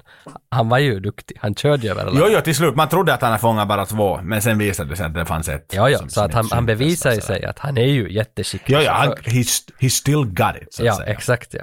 Nåja, sen ska vi på konsert. Det är någon sån här konsertjippo då. Och eh, då får Bly och Brandenburgs fästmö, som ju är singel nu eftersom som, eh, Brandenburg har lämnat henne, de får upp ögonen för varandra. Mm. Men sen är det inte jättemycket mer. Medan Tanto spelar biljard och blir intervjuad av journalisten som ställer lite så här kluriga frågor. Ja, genom henne är det ju tanken då att vi ska få reda på lite mera bakgrund om Stallone utan att han ska behöva berätta det själv. Det här, det här klassiska, liksom these guys are professionals-grejen. Men här gör de det genom, en, Yes. genom henne då. Och det är, det är jätteointressant tyvärr. Förbannat ointressant. Då, men han, vi får se en 8-ball i alla fall. Ja, ja, sant, ja. För de är alltid inne. Och sen kommer ju kanske av filmens mer djupa diskussioner efter det då. Faktiskt, då blir det en, en för, för Bly och, och Brandenburgs tjej blir kvar där på, den, på en takbar efter konserten. Och Vi får lära oss att, att Sofia och, och Brandenburg har varit tillsammans i tre år. Men vi lär oss också att hon, hon söker inte efter något just nu. Nej, nej. Men Och sen blir Bly lite sådär påflugen på henne då. Har liksom lite svårt att släppa det. Ja. Men, men det är sådär. Nej, jag är inte. Jag ska, Men- jag ska ha paus nu. Okej. Men, men var, Okej. var det inte liksom... jag läste... Satans nonsens. Men jag, jag menar att, att två, det, det är som för perfekt det där, de två mest rivaliserande formulachaufförerna äh, delar flickvän nu också på något vis. Att, va- för, för det, Ja. Men det här var väl inte så långt från sanningen, för jag läste någonstans att det här är baserat på någon slags riktig historia mellan två kända, om, inte, Mellan Schumacher. ja var det Schumacher och en till som har, som har delat tjej? Yes. Nu- Som sen blev väl Schumachers fru. Exakt, för nu har ju alltså Kevin De Bruyne och en annan holländsk fotbollsspelare, nej ursäkta, belgisk. Uh, vad är målvakt, vad heter Belgiens målvakt? Courtois? Uh, Thibaut Courtois, Courtois. ja de pratar ju inte med varandra. Nej, för att de har väl också eh, snott brudar av varandra och liknande. Japp. Så nu är det väl det att det, det finns liksom i toppidrotten så strider... Men det är, klart, det är klart det sker. Det är snygga människor, vältränade människor och igen ganska så här slutna forum som tar extremt massa tid. Lek med, om nu hon då Sofia verkligen har rest med honom i tre års tid. Hon har inte ett så stort liv utanför paddocks liksom. Eh, och stallen och så vidare och racingbanorna. Så det är klart att då blir det ju liksom, det blir hennes värld på det sättet. Så att, så det är ju inte otänkbart i sammanhanget. Nej, nej, och det här får ju mig osökt också att tänka på, på du och jag i lågstadiet. Vi hade ju också stridigheter om en, om en kvinna som vi, som vi sen delade. att först var jag tillsammans med henne och, och gjorde något misslyckande och så tog du över och, och blev tillsammans med henne. Och vi, det här är ju för då i lågstadiet var man ju tillsammans alltid bara några veckor, men det var ju samma fade som jag och du höll på med, om en, en blond tjej som, som, som vi stred om. Så att, Så var det, var det, samman, var det i det sammanhanget du riktigt lyfte upp mig mot den där skåpbilen? Nej, det tror jag inte. Men jag, för jag minns att det var på stafettkarnevalen någon gång så tog det slut. Eller ja, du hade, du hade liksom tagit över vid någon stafettkarneval, den här, den här tjejen. Och så fick jag höra det via telefon att hon ska lämna mig för hon har träffat Joel på. Men du, men du hade ju lämnat ringen för du ville fokusera på springande. Hon var en distraktion. exakt. exakt. Så det är ju faktiskt, vi, det är väldigt likt vårt liv det här, driven också. Så är det, och när du nu presenterar det på det här sättet så är det inte, jag, jag tar tillbaka att det är en dålig scen. Det är en jättebra scen. exakt, den är så verklighetsbaserad. Faktiskt ja. Nåja, Race Day igen. Jättemycket fokus, märker du det på sådana här grid girls och urringningar och kvinnor här? Det är ju bara det som filmas. jo, jo, jo, jo. Men, Så smutsigt. det, det är ju några bilar, några lite bilar, Nej, men nej, det nej. mesta är ju bara de här, heter de, heter de grid girls, alltså de här som, Ja, jag tror de heter det. ja, ja, som, som går runt med flaggor på boxningsmatcher och sånt. Exakt, och så här när håller upp round eight och, och grejer. Ja, ja, ja. Okej, ja Mm. så de är i Toronto och det races och, och massa, massa Finlandhyllningar. Där är ju folk med Finlandsflaggor överallt. Ja, det är jättemycket finnar som åker över till Toronto för att kolla på race. Ja men det finns ju ingen finsk chaufför där. tävlingen. I Champ Car liksom. Ja, det, det, nej, nej. Men du vet, av de här 900 miljoner så är det 5 miljoner finnar som, som har liksom köpt abonnemang. Ja, ja, ja, ja. tävlingen. Ja, ja. Det verkar ju så. Ja, Att Toronto är liksom the place. Att det är så här. Ska du se en, ba- ett race, en bano i den här mästerskapet så är det i Toronto. Annars kan du inte säga att du är en, en Champ Kart-fan. exakt. och, och då får vi nu här i Toronto veta att Memo ska, ska sluta sig till stallet istället för Stallone. Alltså en, en, Mm. en spansk chaufför som heter Memo som har kört där förr. Memo Hegai. Och, och han, den här Memo, He-Guy. Det är nästan som He-Man. He-Man. Bara att det är He-Guy. He guy Memo. Och han, han är nog så intre- ointressant så det bara går till vara. Ja. Men, men han, han ska alltså istället för Stallone nu köra, men visst är det så att Memos nuvarande fru är Stallones exfru i storyn? Exfru. Jajamän, så, Så nu ni gäller delar- det liksom att unga har rätt i mun. De delar alla brudar i de här stallen med varandra. Yes, exakt. Och, och hon är ju jättearg på honom. Eh, alltså hans exfru då. För hon heter ju också Hegai. Hon är ju gift. Kathy Hegai heter hon. Eh, så att hon, eh, men han, eh, Memo, verkar, han är ju som bara glad. Han är glad spanjor. Så han har absolut inget emot att Tanto är där. Utan han är ju snarare så, fan vad kul. Fan vad länge sedan jag sett dig liksom. Vad roligt. Så han har holds no grudges against Joe Tanto. Mm, mm, mm. De, Ja. de är glada. De, är, de är glada. Och här får vi ju lite backstory igen. Eh, I, I Tantos sista race får vi också höra så här, men du dog ju nästan. Men, men aldrig så här vad som hände och hur det hände och, Ja, och vilket traumatiskt det var. Ja. Det var därför han satt liksom hjälmen på hyllan, för att han, han blev rädd för racingen. Ja, ja, ja, ja. Men var det så att Memo nu då körde? Mina anteckningar tog slut för jag var så ointresserad. Var det så att Memo... Ja, det tror jag han gjorde, det tror jag han gjorde. Här, här vill jag också så här stanna dig. Har du märkt hur jävla mycket musik det är i den här filmen, Tage? Jo, och därför tänkte jag att hoppas att du har någon soundtracket för att det var så dåliga låtar. Så tänkte jag att kanske du har rätt ut det här. Exakt så här, jag har skrivit så här gällande soundtracket. Det finns ingenting att yppa sig omkring detta. Det finns en endaste låt som vill jag ta upp. Men- och den kommer i slutet av filmen. Det är Right Here Right Now av Fatboy Slim. Allt annat är ju så skit. Jo. Det är så satans dåligt. Jag satt och lyssnade på den på Spotify. Någon, någon stackare ju som plockade ihop en spellista med den här. så satans värdelös soundtrack. Alltså det är ingen man känner, bara bajs. Riktig bajsmusik. Skitmusik. Fy fan. Men, men det måste ju ha att göra med jättedålig smak av Rennie eller jättedålig budget för musiken. Ja, 90 millar. Och, och då hade de 80 tusen, tusen dollar kvar. Mm. Jag, jag blir så arg. Jag blir som Fittipaldi. Nicely put.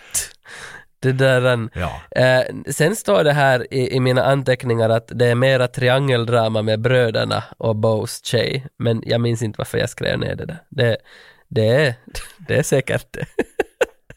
Mm. Nej men så här, det, race är igång. Eh, Om vi nu bara recapar, snabbt recapar Toronto-racen här så att vi ändå liksom med i en racingfilm. Det, det är en krasch, sker ganska tidigt i, i de första kurvorna.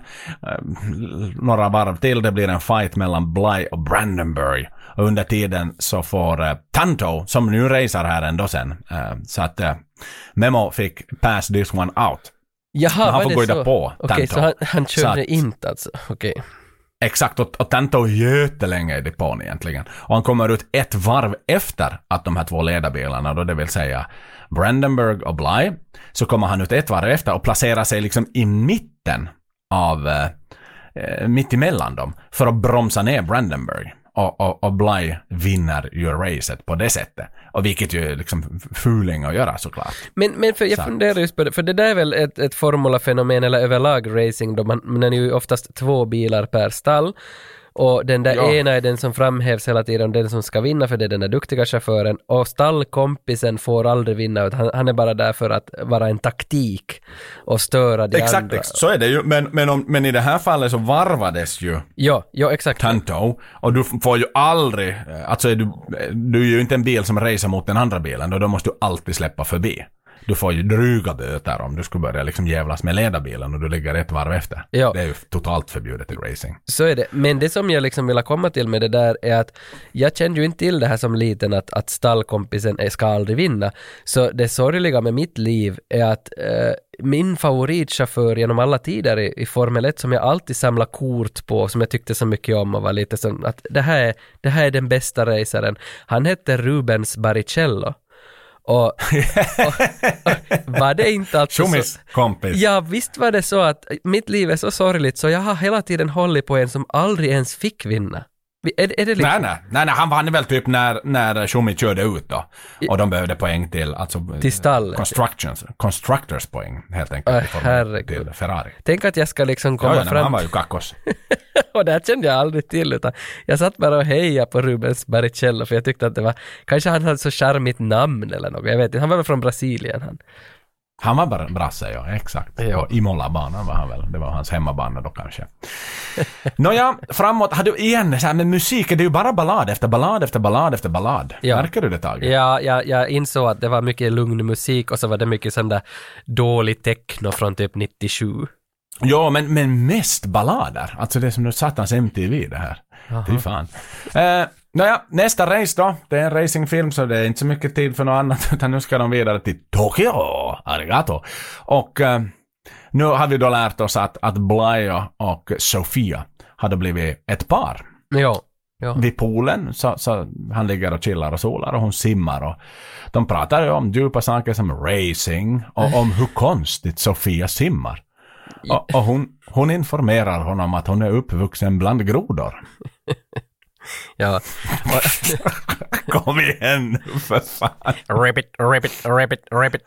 Eh, Men det var ju, Men- hon säger ju det där ribbit, ribbit. Och, och det var, vad Ja. jag läste någonstans, så det var Stallones idé på inspelningen att hon ska säga ribbit, ribbit. Och så gjorde hon det och så hölls det kvar i filmen. Ja, för hon simmar konstigt och det har att göra med att hon, hon var en eh, synchronized swimmer eh, mellan åldern 7 och 17. Ja, och inte bara var en sån, utan hon har ju tagit OS-medaljer, tror jag till och med två OS-guld eller något sånt där inom synchronized swimming. Så att hon är ju Ja. som jätteduktig på den, där, på den där sporten. Och därför blev hon väl vald också till, till Sports Illustrated. Därför har hon varit med där också, för att hon var som en framstående tjej och så hade hon ett eh, fördelaktigt utseende för just den där tidningen. Och där hittar Rennie henne sen Men det, det där är ju också så här, ö, okej, det är din special skill. Det är lite såhär Dennis Rodman som spelar basket med allt och alla i double team liksom. Det är sådär, Ja. but why? Varför ska hon då i en simbassäng börja liksom You're swimming so funny! Ja, Ja, ja, men det- det är också- liksom att, Det är någon slags vet du, X-faktor också att du ska minnas henne. Att hon kan göra såna galna trick och han sitter bara Vet vad det är nu så galna tre, hon simmar med lite breda ben och lite sådär sprattlar runt där. Vet du vad det nu som att jag liksom bara satt och gapade att jag har aldrig sett en människa simma så vackert Nej, men, mitt liv. men vad det fan. kan jag inte säga. Hon står väl upp och ner i, i vattnet och så skruvar hon sig upp och ner genom vattnet där. Inte, i, nog, Ja, men typ som när jag och du står på händerna i simhallen ungefär, så ser det ut. På Gustavsborg då vi stod på händer. Vitsi, kan jag stå... Exakt. Se hur länge jag kan stå på händerna. Ta tid, ta tid! Exakt. Gustavsborg är nog liksom legend. Legendställe. Ja, med bästa vattnet i hela Finland. Jo, In, inskärs liksom. Det finns en liten, liten vattendrag och en bro som tar in färskt vatten en gång på fem år. Ja, det, Nåja. fin- det finns ju aldrig, det finns inte en chans att det har varit en blå alg i närheten av Gustavsborgs strand. Nej, Någonsin. nej, nej, nej. Gustavsborg har... Icke! Ja, och det är väldigt många från vår generation som känner Gustavsborg också som ett ställe dit man kunde leta sig ifall man ville smaka på Golden Cap cider eller något liknande i slutet på 90-talet. Exakt. Exakt. Det var så det. Det var vår plats för sånt. Då när Linda Lampenius ännu fanns på flaskor.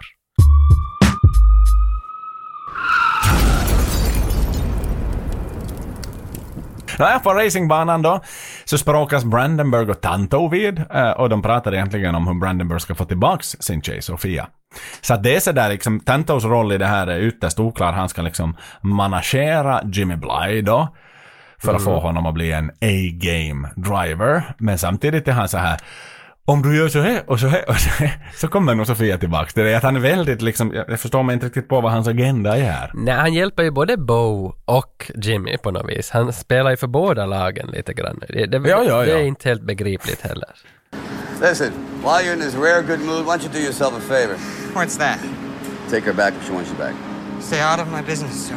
What are you doing? Hey, I'm just talking. I mean, you do want her back, right? Why do you care? You two guys, you have a lot of history. That doesn't go away so fast. I pushed her away, Joe. I know, but you weren't thinking right. I wasn't thinking at all. Nej. Nej, och det här det blir ju fan en relationsdrama mellan chaufförerna ett liksom race om fighting spirit. Ja, ja, det är det som är den här filmen. Det är väldigt lite liksom spänning i, i racandet och det som den säljs för den här filmen, utan det blir mera att det handlar om kärlekstriangeldrama mellan olika professionella idrottsmän. Och, Yes. och det är kanske därför som folk inte riktigt fick vad de betalade för, kanske. Nej. Och efter det, jag menar igen, den så här, vi får intryck av att Tanto är någon slags racingdiplomat för alla, som vi var inne på. Sen kommer en massa onödiga scener här och bilder på några flygande helikoptrar och skog och grejer. Liksom totalt så här location, oh, jävligt onödiga location shots liksom. Riktigt jävla värdelöst. Ja. Och så är det nästa scen så här, kommer en ny satans ballad. Brandenburg då, han börjar känna ånger och plockar upp den här ringen och tittar på den. Liksom, och, och vi ser liksom Bly och tjejen i slow motion. Liksom sådär vet du. Medan han då håller i ringen så ser vi hur Bly och Sofia liksom håller på och kucklar och sådär. Det är så hjärtans värdelöst. Alltså så in i bombens dåligt det här taget alltså.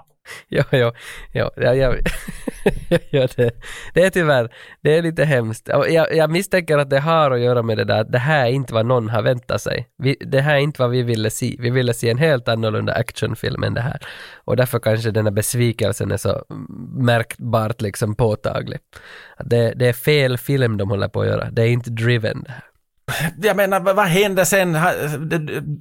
Bly och, och Sofia går på nattklubb. eh, medan Brandenburg då är liksom the good, the good kind. Han är och springer på kvällen istället. På, på Ja, länk. men alla de här, det, det, känns inte, det känns inte viktigt det här. Det, Nej, det är inget, men jag vill ändå lyfta fram att man har satt till, det är med i filmen. Det är en del av alla minuter i filmen. så är det. För att in, Varför ska vi lyfta fram det relevanta och sälja liksom, då börjar ju folk vilja se den här filmen. ja, du tänker så. Men Jag tycker det är viktigt att prata om det som de måste se. Och sen blir de arga, varför sa ni inte att det var så här skit? Att han är och länkar på kvällen i Tokyo medan någon går på nattklubb. Men är det nu i samma, samma veva som Stallone och journalisten Luke går också på en, på en ny bar? De, går de till någon nattklubb i Japan eller hur det var? Nej, inte gick de dit. De gick någonstans i alla fall. Nej, de går inte. Det, det är Sofia och, och, och Jimmy som går på nattklubb. Men vart gick Stallone och... Ja, de är ute och går. Stallone och hon där Luke är ute och vandrar bara och fortsätter samla på bakgrund om varandra. Mm. Ja, exakt. Nåja, race är igång i Tokyo. Bly krockar in i barrikaden och här blir så här några nervösa sekunder. Man vet inte att kommer han och han skadar sig riktigt illa. Så Ja. här, För det är en, en, en horribel kollision in i barrikaden då. Men sen, han traskar ut därifrån och visar tummen upp. Ja, det är ju det, det är just det att den där kraschen så trodde jag skulle ha mer inverkan att nu blir han skadad och kanske inte kan fortsätta och Stallone måste ta över på något sätt liksom. Men inte var det ju så. Han steg ju bara ur och visade tummen upp och så var han lite skärrad liksom. Så det blir egentligen inte så jävla mycket drama kring Jimmy Blys krasch, men eh, som är lite synd att det här skulle ändå ha varit ett läge att liksom gör filmen lite mer spännande. Men de går nu bara egentligen vidare till Chicago, där eh, Yes. nästa race ska hållas. Här är väl egentligen den scen och det upplägg, den 20 Det är inget race. Det är inget race. Var det är inget ett race? avbrott i race-säsongen. Det Det är är, ett en, det är ett promotional event. Okej. För nya bilar.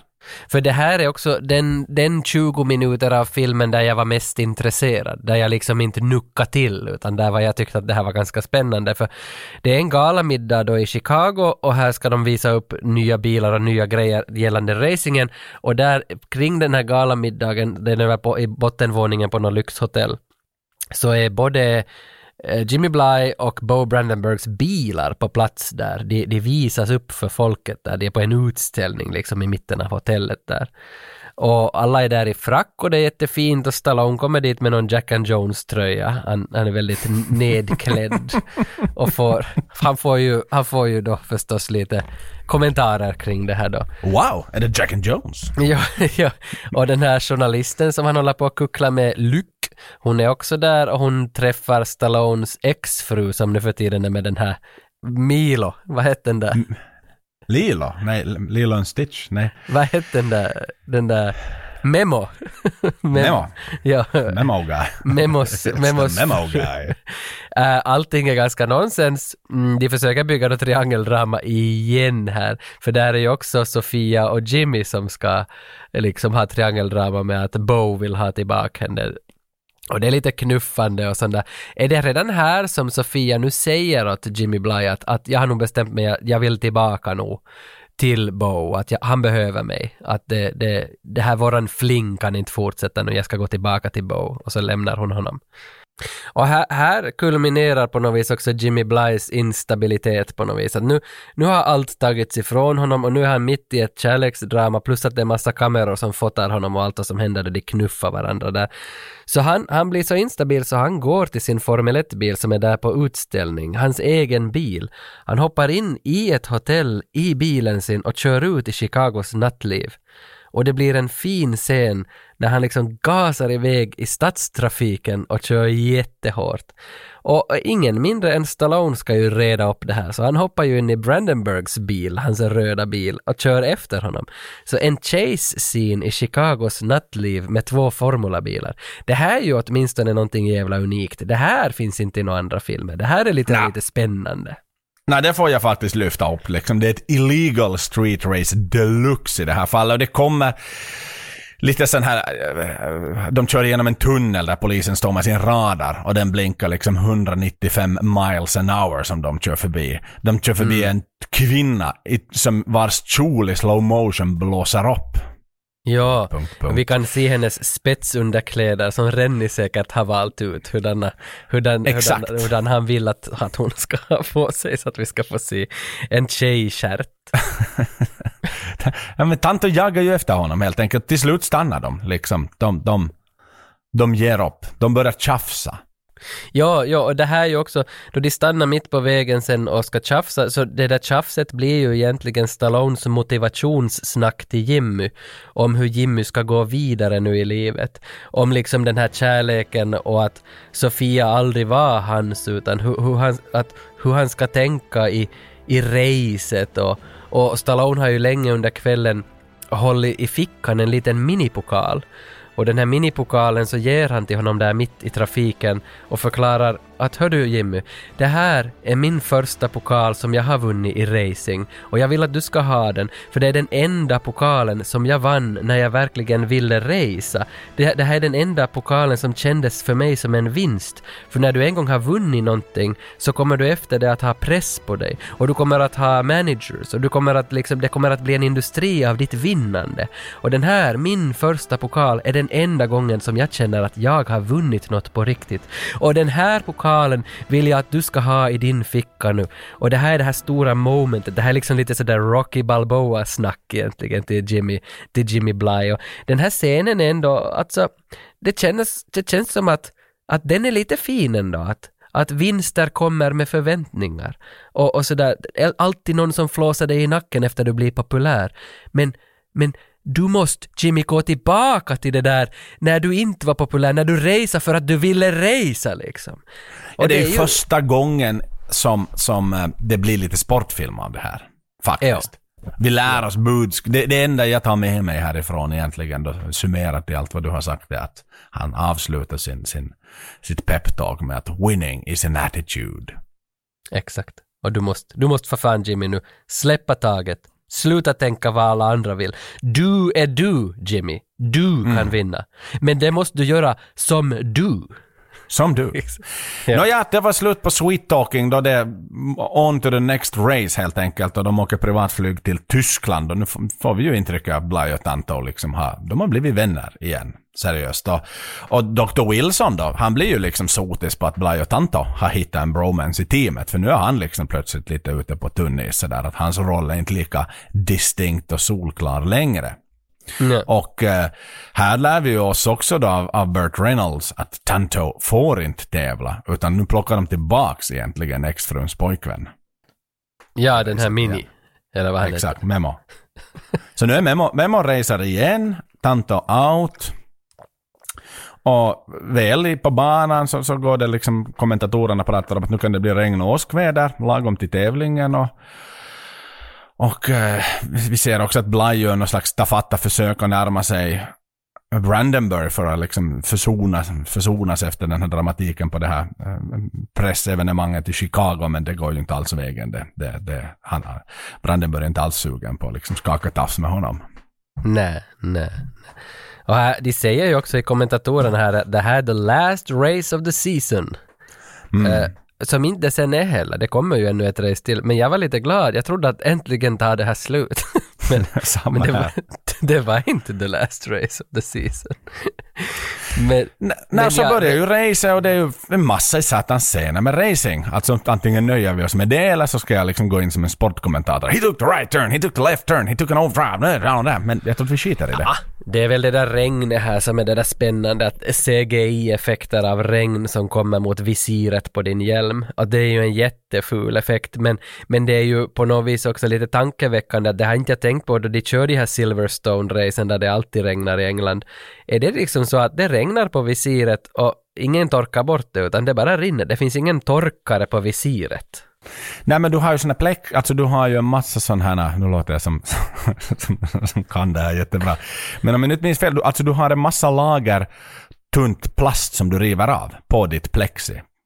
Så att du Jaha. kan liksom ta bort en, en, en, typ som en iPhone eller en mobiltelefons liksom skyddsplaste. Så du kan, men du har en massa lager av det. Så att just när det, om du får dålig sikt och du får något, jag vet inte, mygga eller fågelbajs så kan du bara riva bort det. Det är säkert ofta just som en mygg att trassla till det för de här chaufförerna. Exakt, exakt. Nåja, men sen sker ju den här olyckan då eh, för Tanto, eller inte för Tanto utan för Memo. Ja, och det gör väl det för att han blandar sig i det där racet. Det stiger i huvudet åt Memo.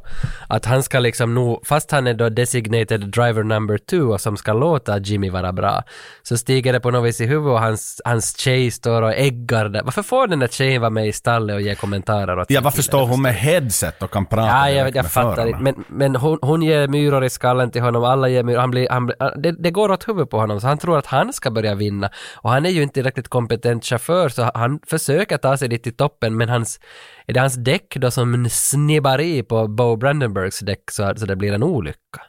Ja, exakt. Alltså horribel dålig effekt. Det är det ja, men det blir i alla fall den där megakraschen. Bilen flyger ut i en liten sjö som finns närbeläget till, till racetracken liksom.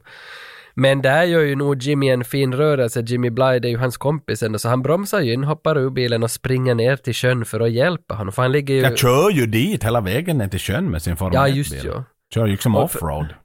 Jo, för det är ändå hans kompis som ligger i en upp och nervänd bil i en liten sjö, så han får ju ingen luft, han är ju under vattnet liksom. När vi får lära oss att det är så satans svårt för de här räddningspersonalen att det är liksom remote area. Så de kommer sig knappt dit med sina liksom brandbilar och grejer. Och här får ju då Brandenburg också instruktioner av sin, vad ska vi kalla henne, nygamla flickvän om att åka till Memos räddning. Och igen, hon står också där med ett headset. Det, stallet har ingenting att säga. Det är bara liksom, det är bara fruar och tjejer här som får liksom ge or- ordrar åt chaufförerna under racet. Vilket också Ja, ja. är helt jävla absurt. ja, ja. Eh, men Han blir ju liksom- jättearg, Bert blir ju jättearg på att, på att eh, Ja, Han inte ni några liksom riktiga chaufförer inte. Alltså som stiger Nej. ur bilar i racet. Men it was his friend. Men det är som att inte, inte kan ju han, inte kan ju Burt Reynolds ta hänsyn till det inte. Han ska ju få de där poängen han, av race Exakt. Och då det här åskvädret gör ju så att det, är det är blixtrar och har sig och den här bensinen då så, så rinner ju ut där i sjön kort och gott och, eh, eh, och blixten slår ner i ett träd som börjar brinna. Så då får man ju det där att okej fan om det där trädet ramlar ner i, i den där sjön så då kommer det, då, då blir det farligt här. Ja. Men tillsammans, Bo och Jimmy hjälper, hjälper Memo ut ur bilen och Memo klarar sig ut ur den där katastrofen och sen kommer en gnista då, eller ett träd ramlar ner i sjön som brinner och så exploderar bilen där, men de hinner alltså ut därifrån. Och det som är intressant här, det finns ju inga TV-kameror dit. Ja visst, det är ju fan en, en helikopter som flyger runt med en TV-kamera dit för att kommentatorn kommenterar ju, den som kommenterar TV-sändning kommenterar ju också den här händelsen. Och han säger när de har räddat den här memo därifrån så säger han “They worked as a team together. It shows what kind of, what kind of men they are”. Och jag bara reagerar sådär kvickt på den där kommentaren att det, det, det, är, ju, det är ju sant, det vad han säger. Men den är, den är lite styltig kanske, kommentaren. Lite styltig kanske. Lite styltig. Men vi lär oss ju också att han har problem att röra benen, den här stackars Memo. Här, han klagar ju två, tre gånger på oh, I can't move my legs, can't move my legs på sån spansk spansk Ja. lutning. Så att man, mär, man får ju liksom, man får ju vibbarna av att okej, det var inte bara liksom att han, han blev nog skadad på något sätt där. Ja, ja, ja. Så han hamnade ju på sjukhus. Han gör det, han gör det. Och där, det är väl där som Carl, eller Burt Reynolds och Stallone börjar strida över vad man riktigt ska göra i en racingbil. Att mitt i ett lopp, att inte finns det något sånt här att stiga ur. But he saved a man's life. I don't care! I don't care! Och så... Exakt. och, Exakt. och, Ka- visst är det i det här skedet som Carl vill... Nej, inte, alltså Carl vill ta den här Jimmys brorsa Vänta nu. Det blir Ja. i alla fall rådigt. Jimmys brorsa ska byta stall. Jimmy, det går rykten då för att han blev så sur på att Jimmy sket i racet som han ledde och gick liksom för andra chaufförens liv istället. Så att han vill göra sig av med honom. Han tänker inte ha honom kvar som chaufför. Han tycker att han är en young, promising driver, men han har inte what it takes to win. Just då det, så vill var det. Då vill Carl liksom, nej fuck it, okej jag vet att det är, det är ett dyrt pris jag betalar, men jag tänker ditcha honom som chaufför. Jag tänker bjuda in, uh, bjuda in Brandenburg istället till mitt team. För vi har bättre bilar än vad Brandenburg kör i. Så då kommer vi att vinna.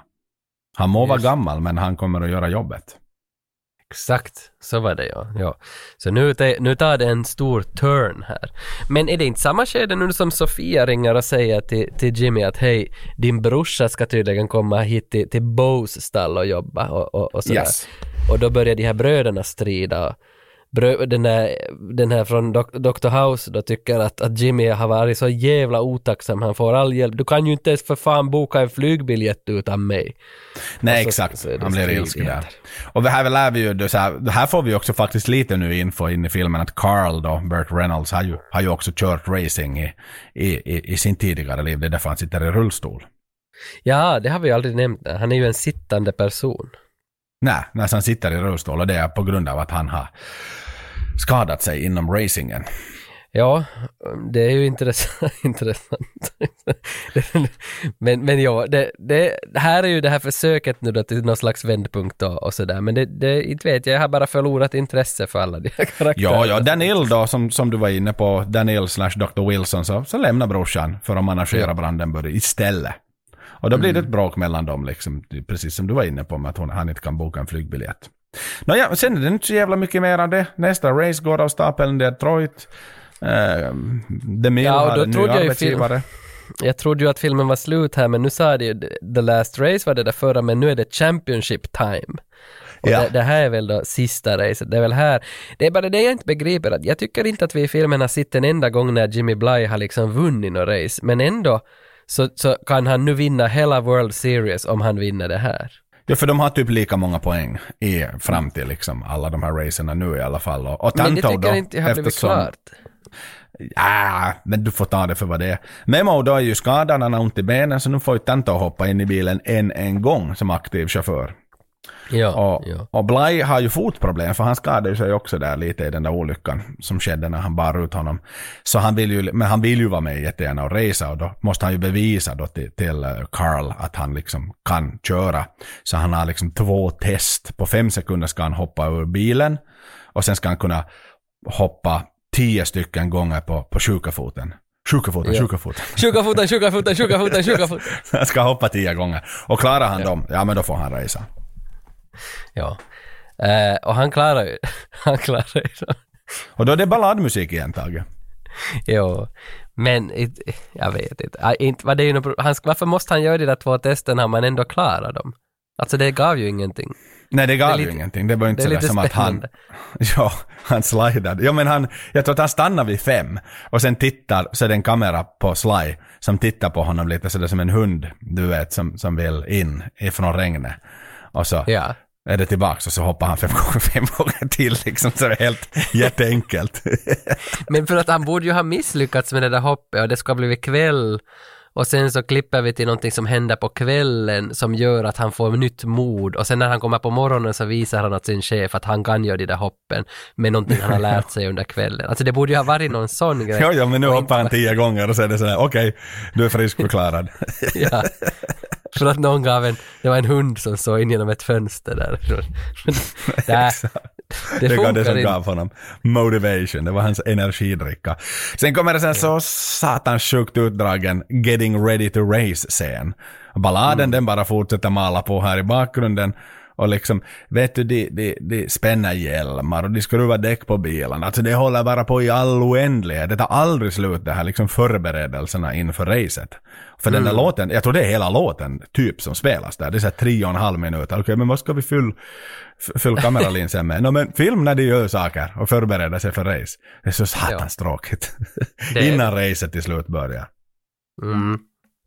Och det racet har väl, det är väl sista racet, det har en stor krasch där i Ja. början som väl både Sylvester Stallone och Jimmy Bly är inblandade i så det gör att de hamnar långt bak. Hamnar sist i racet, exakt. Och Ja. nu börjar ju den här team spiriten komma in mellan Bly Ja, för de, ska ju, för de ska ju ändå köra hundra varv, så de har ganska länge på sig att jaga ifatt, men, men det är ju ganska, där visar man att deras team spirit då finns och att de, de har nu blivit goda vänner, de kan köra tillsammans. Så man visar ju att de kör ifatt ända tills de kommer dit upp till Bo Brandenburgs första placering. Att de, de är där tillsammans med honom efter, efter några snygga omkörningar. Racing, racing, racing, racing. En massa med och motgångar igen här. Bilar kör fram och tillbaka och krockar lite till höger och lite till vänster. Pitstop lite fram och tillbaka. Ja, och. Stallone, Stallone börjar väl humma här i bilen, är det inte så? Ja, nu, får ja. vi, nu, får, nu får vi en pay, payoff på hans Hummer-grej. Hammer. Och då säger någon “He's back!” I'm only borrowing your hammer. Nej, det är en fel film. Men det kommer kanske. I only annan borrowing film. your Humvee. Humvee, ja. Sie hat mein Humvee gestohlen. I only borrowing your fucking Humvee. yes. Uh, Nåja, så nu, nu är ju så här, racet har gått och det är inte jättemånga varor kvar. Schnei- Schweinsteiger heter han inte, utan han heter Brandenburg, leder racet. Men Bastian Schweinsteiger är en fotbollsspelare som har varit på en nattklubb här i Helsingfors faktiskt. Bara så vi får det Oho. sagt. Oho, oho, oho. Nåja, tysken leder, Bly och Tanto har kört till andra respektive tredje plats. Mm. Mm, men då får väl Stallone hål på däcket. Det händer nog med hans däck att han måste dra sig ur den där striden där. Exakt, han börjar sladda och ha sig som en galning där. Mm. Ja, men sen vinner Jimmy på säker. Han vänder på saker, ja. Det, det, han kör om, han leder, sen leder Brandenburg med ett varv kvar. Tanto går upp i ledningen då, när, innan hans bil faktiskt då går sönder som vi var inne på. Sen ligger de näsa vid näsa på sista rakan, liksom Brandenburg och Bly. Och, och Bly vinner verkligen med någon typ centimeter. Ja, men det var därför jag sa att han vinner på säker. Säker betyder tur. Eh, eller på Vasaspråk betyder det väl inte bara tur, det är så mycket mer än bara tur. Men eh, det är ju för att det blir ju aldrig spännande. Det är ju bara plötsligt, och sen vinner han på säker. Exakt, så det är ju inte det att blir- de behöver gå till någon sån här VAR, målkamera och titta hur det Nej, nej, Men nej, det är bara att han vann nu då. Och så, Han vann, så, så det. så, får ni, så får ni era pokaler sen och han är bäst. Jimmy Bly Ja, exakt. Jo, jo, så nu kommer liksom, han vinner VM-titeln, Tanto liksom driftar ju in på en tredje plats där, så att han kommer ändå i mål. Så han får gå upp Ja. på pallen. Dr. Wilson, då brorsan, står ju liksom och småler hela tiden under den här jätte, jätte, jättelånga igen prisceremonin. Den är lika lång som den här uppvärmningen. Och, de Ja, ja. filmar honom, de filmar gubbarna på, på, på, på podiet, de filmar Dr. Wilson och han står sådär någonstans, äh, fy fan. Men, men vänta nu, fick, fick alla en försoning? Alltså, eh, Jimmy Nej. Bly har, har väl inte fått någon brud här nu då? Han är, han är singel ännu. Han är icke sinko igen ja. Och, och Men- Dr. men- Wilson valde ju då fel kamrat eftersom Bly då vann mästerskapet till slut så han hoppar ju liksom av för tidigt sådär sett Ja. efterhand. Men han är ändå någonstans lite glad kanske för sin bror. Det är därför han ler sådär. Att okej fine liksom. I'm not Ja. with you anymore. Så jag är lite glad för din skull för vi är bröder. Man skulle ju måste få se en Driven 2, att hur gick det för bröderna sen? Kom han tillbaka till hans stall? men, men för att eh, den här Brandenburg, så han är väl tillsammans med Sofia ännu.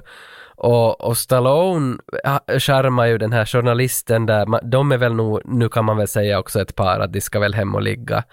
Men gick det, gick det allt för, för Burt Reynolds? Han, ja men det är för hans, hans stall som vann världsmästerskapet, ja. Exakt, så det var ju framgång för honom. Det var ju framgång Ja. för honom. Så alla har väl nog ändå fått vad de ville ha utav filmen nu då? Dramaturgin Jo, det är ett komplett. lyckligt slut. Det tycker jag man kan säga, kanske då förutom alla förutom då eh, managern egentligen. Med eh, Ja. The, The Mill. The Mill hade Ja. ju lite otur där när han kast, sparkade sin bror så att säga. Men hur gick, men visst, vi ser ju den här Mini, äh, Memo. Han, han ligger ju på, på sjukhussängen tillsammans med Stallones exfru och är lycklig där också. Att- han är också att- jätteglad. Och hon är också Ja. jätteglad. Faktiskt. För att han, han har liksom kommit ur det här med, med, med livhanken Alla är jätteglada. Ja, alla är nog lyckliga kan man ändå säga. Det, det är ingen, ingen är jättesur faktiskt. Nej, faktiskt. nej, nej. Och då kommer Fade to Black. Vi belönas såklart med en ballad till i sluttexten. Ja, ja. Men det är ju filmen jättefint. Jag ska erkänna nog åt dig, att jag hittade den där suspekta eh, internetsidan där jag då såg filmen i 480p så hade man möjlighet att man kan sätta hastigheten. Så sista 20 minuterna såg jag med 1,25 hastighet av filmen faktiskt. Ja, du sparar in, du gick till TikTok-generationen. Spara in lite tid. Ja men Vitto, jag orkade ju inte. Jag var så glad att den funktionen fanns. ja, jag har hört också om folk som lyssnar på poddar med dubbla hastighet för att vi, vill tillskansa sig informationen lite fortare. Det, det är lite jo, bråttom men, hela men tiden. ja, ja, jag, prov, så här, jag provade först med 1,5, men då, då gick det lite för snabbt. Så, men Ja. 1,25 är faktiskt ganska bra. Och det var kanske så som Rennie också tänkte sig att han ville att, att köparna skulle se filmen. Ja. alltså lidandet blir kortare. Med 1,25 är balladen fortfarande en ballad och inte liksom Crazy Frog. Ja, exakt. Crazy Frog nämns för lite överlag. Så nu har vi nämnt ja, honom. nu har vi nämnt honom. Men jag har i, i sedvanlig ordning, jag menar, you put me to the spot. En skurkdossiär säger du, en skurkdossiär säger jag. Till denna film, Skurkdossiär, så har det återigen varit utmanande taget. Precis som i förra filmen vi snackade om så har vi man har varit tvungen att bredda sin färgpalett och blivit något mer färgglad än enbart svart och vit. Man kanske skulle tänka sig att Brandenburg skulle kunna vara skurk eftersom han är tysk. Mm. Man kanske också skulle kunna tänka sig att Kathy Heggai kunde vara skurk eftersom hon är väldigt elak mot sin exman Tanto samt journalisten Lucitia Clan, som hon kallar bitch på toaletten, eftersom hon får för sig att Tanto är förtjust i henne.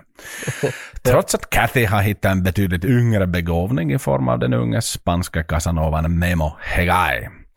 Även Carl Henry, som ersätter folk i bilarna till höger och vänster och tillämpar en rad regelvidriga tilltag på racingbanan, hade kunnat kvalificera sig som skurk i denna film. Men alla dessa förslag är såklart väldigt feltagna.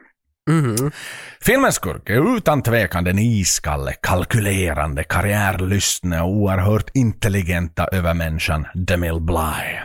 Exakt, det var så jag tänkte. DeMille Bly är bror och tillika manager åt sin yngre bror James Roman Bly. DeMille Bly och Bly hör, hör jag hela tiden eh, han säga i, i Inglourious Bastards. Skitsamma, det har inte med saken att göra. Eh, The Mill har funnits sida vid sida tillsammans med sin brors racingkarriär endast sedan James var åtta år gammal och framgångsrikt tävlade och vann go-karting mot, här ska det sägas, betydligt äldre killar med betydligt bättre bilar. DeMille såg något speciellt i sin bror och är till stor del att tacka för den unga rookieförarens karriär att han har nått så långt. DeMille har ett extremt kontrollbehov och vill mer eller mindre styra varje steg i sin lillebrors liv. När James Roman hittar kärleken i form av Brandenburgs fästmö så fryser han ut henne och gör det klart och tydligt för sin yngre bror att detta inte är en bra idé överhuvudtaget. När Sofia då presenterar sig för DeMille och säger Hi, I'm Sofia, så får hon av DeMille till svar That's your problem. Ooh, that's cold man. DeMille är extremt styrd av framgång och berömmelse och känner sig sannolikt i viss mån överskuggad av den yngre broderns framgång på banan, som han ser som sin egen skapelse.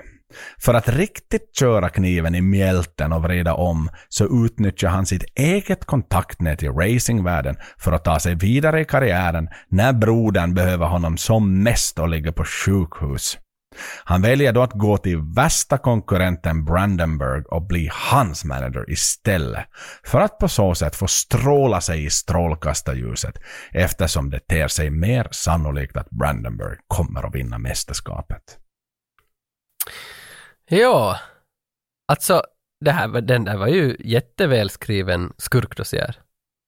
Hmm. Det tycker jag. För där sätter du nog fingret på många bra saker. Att, att det här handlar så mycket mer om att han bara är en skurk, utan han är ju faktiskt, han är ju elak. Han är ju, han är ju en familje, liksom betrayer, så att säga. Han går emot sin egen blodlinje på något vis. Han gör det. Bara för att få framgång och pengar. Jo, jo. För han vill ju bygga, han var ju inne på att han vill ju bygga brand liksom. Han vill ju sälja parfym om fem år med brorsan liksom. Det var ju det som, och det är där pengarna finns. Jo, jo. Ja, En talking ja, kääntäjä heter det på svenska.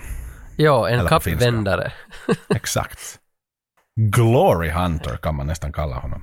Ja, ja, precis som när jag går på Vasan Sports hemmamatcher då man inte har bott där i Vasa och glider in där på någon julfest eller på julledigheten och så går man och ser. Så då brukar man ju kallas för en glory hunter av andra fans. Ja, så Bara du varit "Where hela you when we säsongen?" were shit.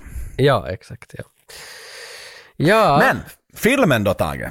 Ja, men vi nu måste summerar, väl- summerar vårt vi, äventyr ska inte vi ge ett betyg till skurken då? Han måste väl få en... Ja, det måste vi göra. Det måste vi göra, såklart. såklart. Och och, och, här, här vet jag inte, vi hade ju liksom två stycken, vi hade så här läskpapper förra gången, men jag tycker vi skiter i läskpapper och går direkt på skurkometern. På den stora. 1 till 5. Eller 0 till 5 Jo. då va? Ja, och, och ja, i något skede var den väl upp till 10. Nej, fan jag minns inte vad vi hade. Men, men om vi säger 0 till 5 då, och 5 så då är han jätteevil och 0 så är han ganska helylle. Och den som vi har väl som mest evil hittills är väl den där skurken från Mission Impossible 2 för han skulle förgöra hela världen med ett virus. Yes, Eh, Chimera. Chimera, han fick en 8, eller en, en Nej. 4 måste jag En fyra fick han tror jag totalt. Just det. Okej. ehm, nå, det- jag skulle ju lägga den här brorsan här kanske då på en Eftersom det här handlar ju inte om något liv och död, men det handlar ju om ett allvarligt svek som han liksom, han bygger upp ända till ett svek. Men samtidigt så har han ju varit väldigt hjälpsam och på grund av honom så har ju den här brodern tagit sig långt fram i, i businessen, även kanske mot sin vilja ibland, men han har ju tagit sig långt fram och, och får köra de här viktiga racen. Så att det är på gott och ont, men mera ont nog. Men jag, jag, jag skulle nog ändå kunna ge den här eh, Dr. Wilson här då ett, ett, en etta eller två. Att han är inte, inte så jävla i- evil. Mm. Ja, men jag tycker det är väl resonerat. Jag är väl inne på samma bana där, alltså han, han, han, han både ger och han tar. Sen just det där hur han liksom så förkastligt liksom That's your problem när Sofia ska presentera sig. Vad, vad är det för attityd liksom? Kom igen nu liksom att du frös verkligen ut den. Sen ska det ju sägas, eh, jag hade inte med det i dossiären, men, men då när hon ju då tillsammans med Brandenburg igen och han ju då blir Brandenburgs manager så slår hon ju honom på käft, eller han blir ju så här för hon gör ju samma med honom, hon fryser ju ut honom då plötsligt för att han är ju då Jo. i en beroendeställning till Brandenburg. Så, så säger han ju typ att nej men slå mig då och så slår hon honom. Så att lite får han väl sin revenge, att han inser ju själv kanske att han är lite av ett svin. Så att där är jag också benägen att komma ner på en ganska låg nivå som du gör. Alltså han har, han har pissat på sin broders relation, det har han gjort. Den, den ser jag ganska svår att lappa i framtiden. Att i Driven 2 så ser jag ju inte att de är best of brothers liksom. Eh, utan Nej. jag tror, tror att den är helt fullkomligt iskall kanske till och med. Så att, men de jobbar i samma bransch. Men jag, ja, vad fan, en ett och ett halvt ger jag den. Om man får ge Ja. Ja, jag kan hålla på den där 1,5 också, att vi lämnar på den. Och liksom att tillägga bara att han har ju inte heller uh, frysit ut Sofia så mycket att hon måste flytta tillbaka till Tjeckoslovakien och, och, och liksom skämmas, den där skammen. Behöver hon Nej, exakt. exakt. Det var ju inte så att hon behövde ta upp sin synchronized swimming career liksom här igen. Nej. Nej. Nej, men då, skurkometern var ganska tydlig då han får 1,5 av 5 möjliga. Mm. Så är det. Filmen då? Summa summarum. IMDB-betyg ska jag ha av dig och en liten, liten kort summering. Nå, ja, min summering av Driven är ju då, även om det är Stallone som är min, eh, min, min guldgosse som jag följer i vått och torrt genom hela hans liv, och han är alltid den viktigaste för mig, så, så är inte det här någon av hans filmer som jag brukar se om och hålla, hålla högt upp i rang liksom. Men, att- men att det är kul att han är med, men jag tycker det är lite synd att han, att han tog, åtog sig ett sånt här projekt som inte blev så bra.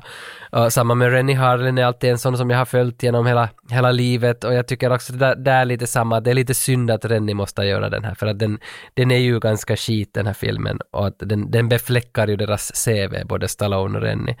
Men för att jag, jag tycker att den här filmen, Driven så har ingen karaktär som jag bryr mig om genom filmen. Och, och det känns lite svagt. Och musiken är dålig, alla närbilder på närbilder på närbilder, det är ett dåligt grepp som inte jag gillar.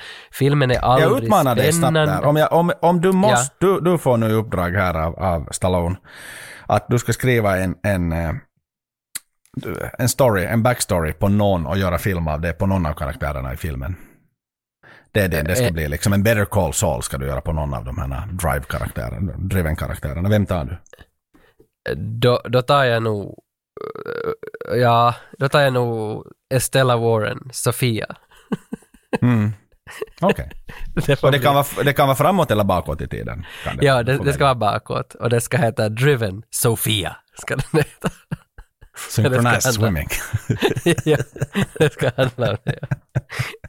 Men, men tillbaka till mitt tyckande. Det, eh, ja, för det, det som jag ville bara avsluta med, jag tycker att den Driven, den var aldrig hemskt spännande. Och jag tycker att ingenting någonsin i hela filmen var liksom riktigt sådär på spel. Alltså det är klart att det finns det där eh, kartgrejen att de jagar det där championshipet, men det känns som att det aldrig heller känns som någonting är på spel, utan det enda som är som någonting att nu är det liv och död är den där memo när han ska drunkna i bilen. Men, men, men det känns som att det, han var ju också ganska sådär asig, asig. Jag gillar inte den där karaktären, så inte brydde man nu sig så mycket. Alltså, så överlag tycker jag att filmen är dålig och den har inte riktigt någonting som den kan erbjuda mig och därför vill jag inte se den igen.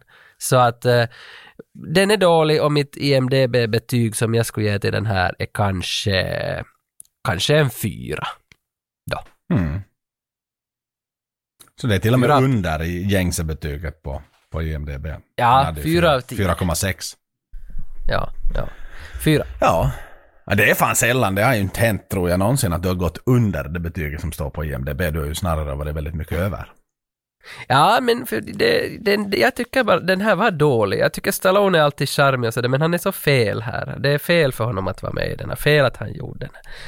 Tycker inte att den här, den här Fel att gjorde inte skrev den.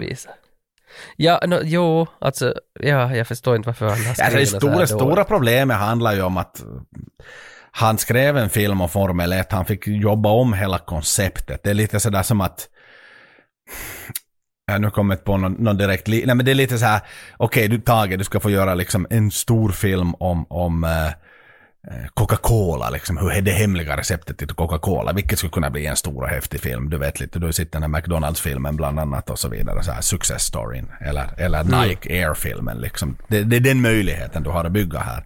Men istället får du göra liksom om Afrikola från Olvi. Det är den storyn du får berätta för vi fick inte liksom ihop rättigheterna till Coca-Cola. Och då Ja, sådär, ja okej, jag har istället för att liksom vara i Atlanta, Georgia och liksom vet du, eh, secret laboratory så är du någonstans i liksom Heinola, eh, i någon satans bakdörrsloppis liksom och blandar liksom urin med svart färg och säger att det här är Afrikola. och det är det som är din story. Och det är ju det det blev, för det följer ju på det. Alltså hade han haft Formel 1-världen, Bernie Ecclestone och en massa cameon av stora racingchaufförer och så vidare. Nu får vi en liten, en liten cameo av Dustin Hoffman. Han är med i paddocken där i början faktiskt. Som en liten Ah, jo, här, jo. bisittare. Men i alla fall att det är så här, det är ingen som är intresserad. De är, det är ju därför de tvingades sätta dit de här 900 miljoner tittarna i världen. Det är ju bara skitsnack. För att liksom hypa Mm. upp det. det. Det är en tävling som ingen bryr sig om, en, en, en racinggren som, som ingen har koll på.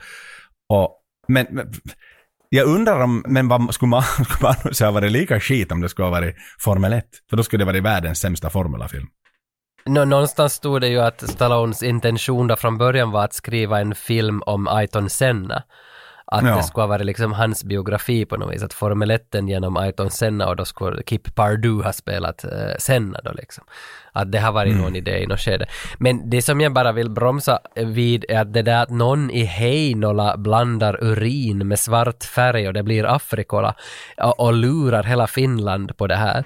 Den storyn är nog ganska intressant ändå. Kanske till och med mer intressant än Coca-Colas hela historia. Så det, föll, det, det, det föll lite det där nu. Jag tycker att det där var mer spännande som du målade upp om urinblandningen. För Afrikola var ju ändå ganska ett lyckat koncept, tycker jag. Nej, det finns ju inte kvar om vi säger så här. Jag, jag har ju inte sett så många Afrikola-hyllor i butikerna eh, i jämförelse. nej, nej, nej. Precis som den här racinggrenen ju också gick i döden 2008. Och jag, jag måste bara ta fasta på liksom den här, den här casten i den här eh, filmen. Jag skriver under på allt vad du säger, att det är en tunn story och man får inga sympatier för någon. Men det är sån satans platt casting. Alltså, och också Sly som någonstans, han har ändå sina moments när han kan spela bra. Ja, men du ska aldrig glömma att Rocky 1 är en best picture och, och han kan skådespela även om han är ett muskelberg. Men, men han, Ja. precis, vi var inne på det i början av filmen, han får ju, han är helt onödig i den här filmen och han klipps bort. Han får aldrig möjligheten att blomma ut i sin egen film, vilket är helt sjukt egentligen. Så jag fattar kanske att de hamnar i bråk, Renny och Sly, liksom för att det det, det är ingen kvalitet i skådespeleri. Burt Reynolds också sitter och surar i en rullstol, liksom stort namn på planschen och sådär. Men eh, Ja. som, som jag var inne på, den kunde ha spelats av skyltdockor. Ja, det kanske stämmer det. För att det, de är inte, ingen är bra. Ingen är bra för Nej. filmen. Ingen gör bra ifrån sig. Nej. Och det- kanske därför Kip Pardues karriär också lite dog ut här. De lovade så mycket där före att han hade gjort jättebra roller men nu hamnar han tyvärr i fel projekt där han drogs lite mattan under liksom. Att det, Ja, ja, det är inte så bra. filmhistorien skithög flög han upp på högst upp där på berget. Jo, det är lite, lite är synd tråkigt. för att man skulle nog, man skulle vilja gilla Driven, men jag tror inte att någon gillar Driven. Jag tror Mm. det finns inga fans. Du hade ju hittat någon, du tog en screenshot åt mig av någon sydkorean som hade tyckt att it's a fantastic movie! One of the best of all time, hade han skrivit. Jo, där på den där suspekta sidan där du skulle börja se på filmen. exakt, exakt. Det är fantastiskt. Han liksom tagit sig tid och skriva en recension att det är en av hans favoritfilmer genom tiderna. Jo, jo. Ja men låt honom tycka det då. För att det är, gla- det är bra om den här filmen gör någon glad. Och nu, nu var jag glad hela vägen att jag fick se den, för jag har inte sett den på säkert 20 år, så jag blev nog ändå som glad också att se den. Men, men Det var jag också. Det var, jag var exalterad över valet, för det är ingen sån här söndagnöt-film. Och det är lite kul att se en film som man inte kan ut i fingerspetsarna och sådär. Som, som Gone in 60 seconds till exempel och sådär. Som man, som man ändå... Jag såg fram emot den när vi valde den, men jag såg... när jag såg tillbaka på den så ångrar jag att vi... Men det är roligt att prata om. Den har varit kul att följa storymässigt. Men, men det är Ja. så satan. Det, jag kan säga så här, det är den bedrövligaste filmen vi har pratat om och då tyckte jag ju inte om den här med Mark Wahlberg överhuvudtaget. Men den här är ta mig fan värre. ja, Big men Big Hit. hit. ja, Big Hit var du inte förtjust i. Nej, den här, Ja. den här är fan värre. Alltså över, jämt, sett över filmen så är den här värre än Big Hit. Ja, kanske ja. ja. Inte vet jag heller, vi får väl, men det, samtidigt så det är ganska intressant att diskutera varför man tycker att någonting är misslyckat också. Hellre än att diskutera bara vad som... Nu tycker jag att det är jätteroligt att diskutera Castaway där allting bara fungerar, där allting är bra. Det är nog nice att hitta det också. Samtidigt är det lite spännande att, att vara sådär trevande, att man, man inte i början vet vart den här podcasten är på väg och vad, det här, vad vi ska liksom hitta i den här filmen. Att för att om vi inte, inte kände jag när vi började prata idag att jag visste exakt vad vi kommer att tycka om den här filmen när den är slut. Så att, att man lite hittar sig själv längs med pratet så tycker jag också är nice. Så att vi kom till någon slags konklusion att vi inte gillar det här. Nu tyckte vi ganska lika den här gången. Mm. Det är sant det. Nej, det är ju det som är det fina med vår lilla filmklubb. Det blandar och det ger mig innehållet liksom. Och, och ibland kan Ja. man kanske ha en förutfattad mening om någonting, men när vi har ältat igenom och tittat på, på allt ifrån kameravinklar till acting skills och så vidare så, så landar man ju i en summering. Och det är ju, som vi var inne i något avsnitt här, att vår, vår IMDB-score väger nog mycket mer faktiskt än vad, vad det, kollektiva Ja. internet gör. Sen, Så så, i det. det här fallet har vi faktiskt sänkt ner den till en fyra. För jag ger den också. Vad var, vad var ditt IMDB-betyg på den? Ja, jag ger den 3,5 faktiskt, så 3,75 hamnar den på då. Ja, ja, 3,75. Okej, det är inte så bra. Det är inte så lovande. Nej, av 10 är det nog ganska, ganska faktiskt. Det, det, det, så, filmer under fem borde ju tekniskt sett inte göras. Ja, Men problemet Men är ju att man ju- kan ju betygsätta dem innan man har sett den. Nej, så är det.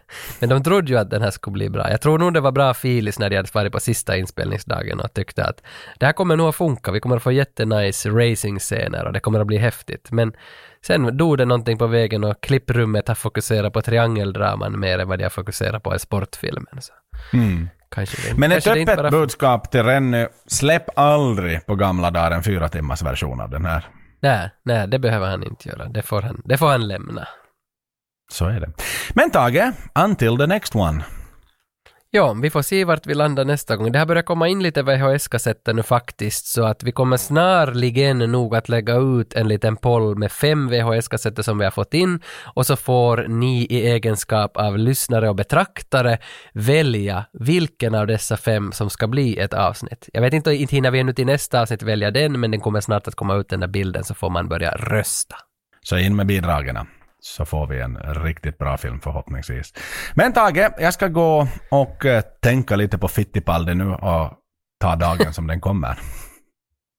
Ja, jag ska stänga ner här och beställa en pizza tror jag. Det ska du göra. Rund som ett däck i Formel 1-serien. Exakt, jag visste inte hur jag skulle vinkla det till att få någon racing av det, men du fick det. Det var ett nöje Tage. Tack för idag. Det var ett nöje. Tack för idag.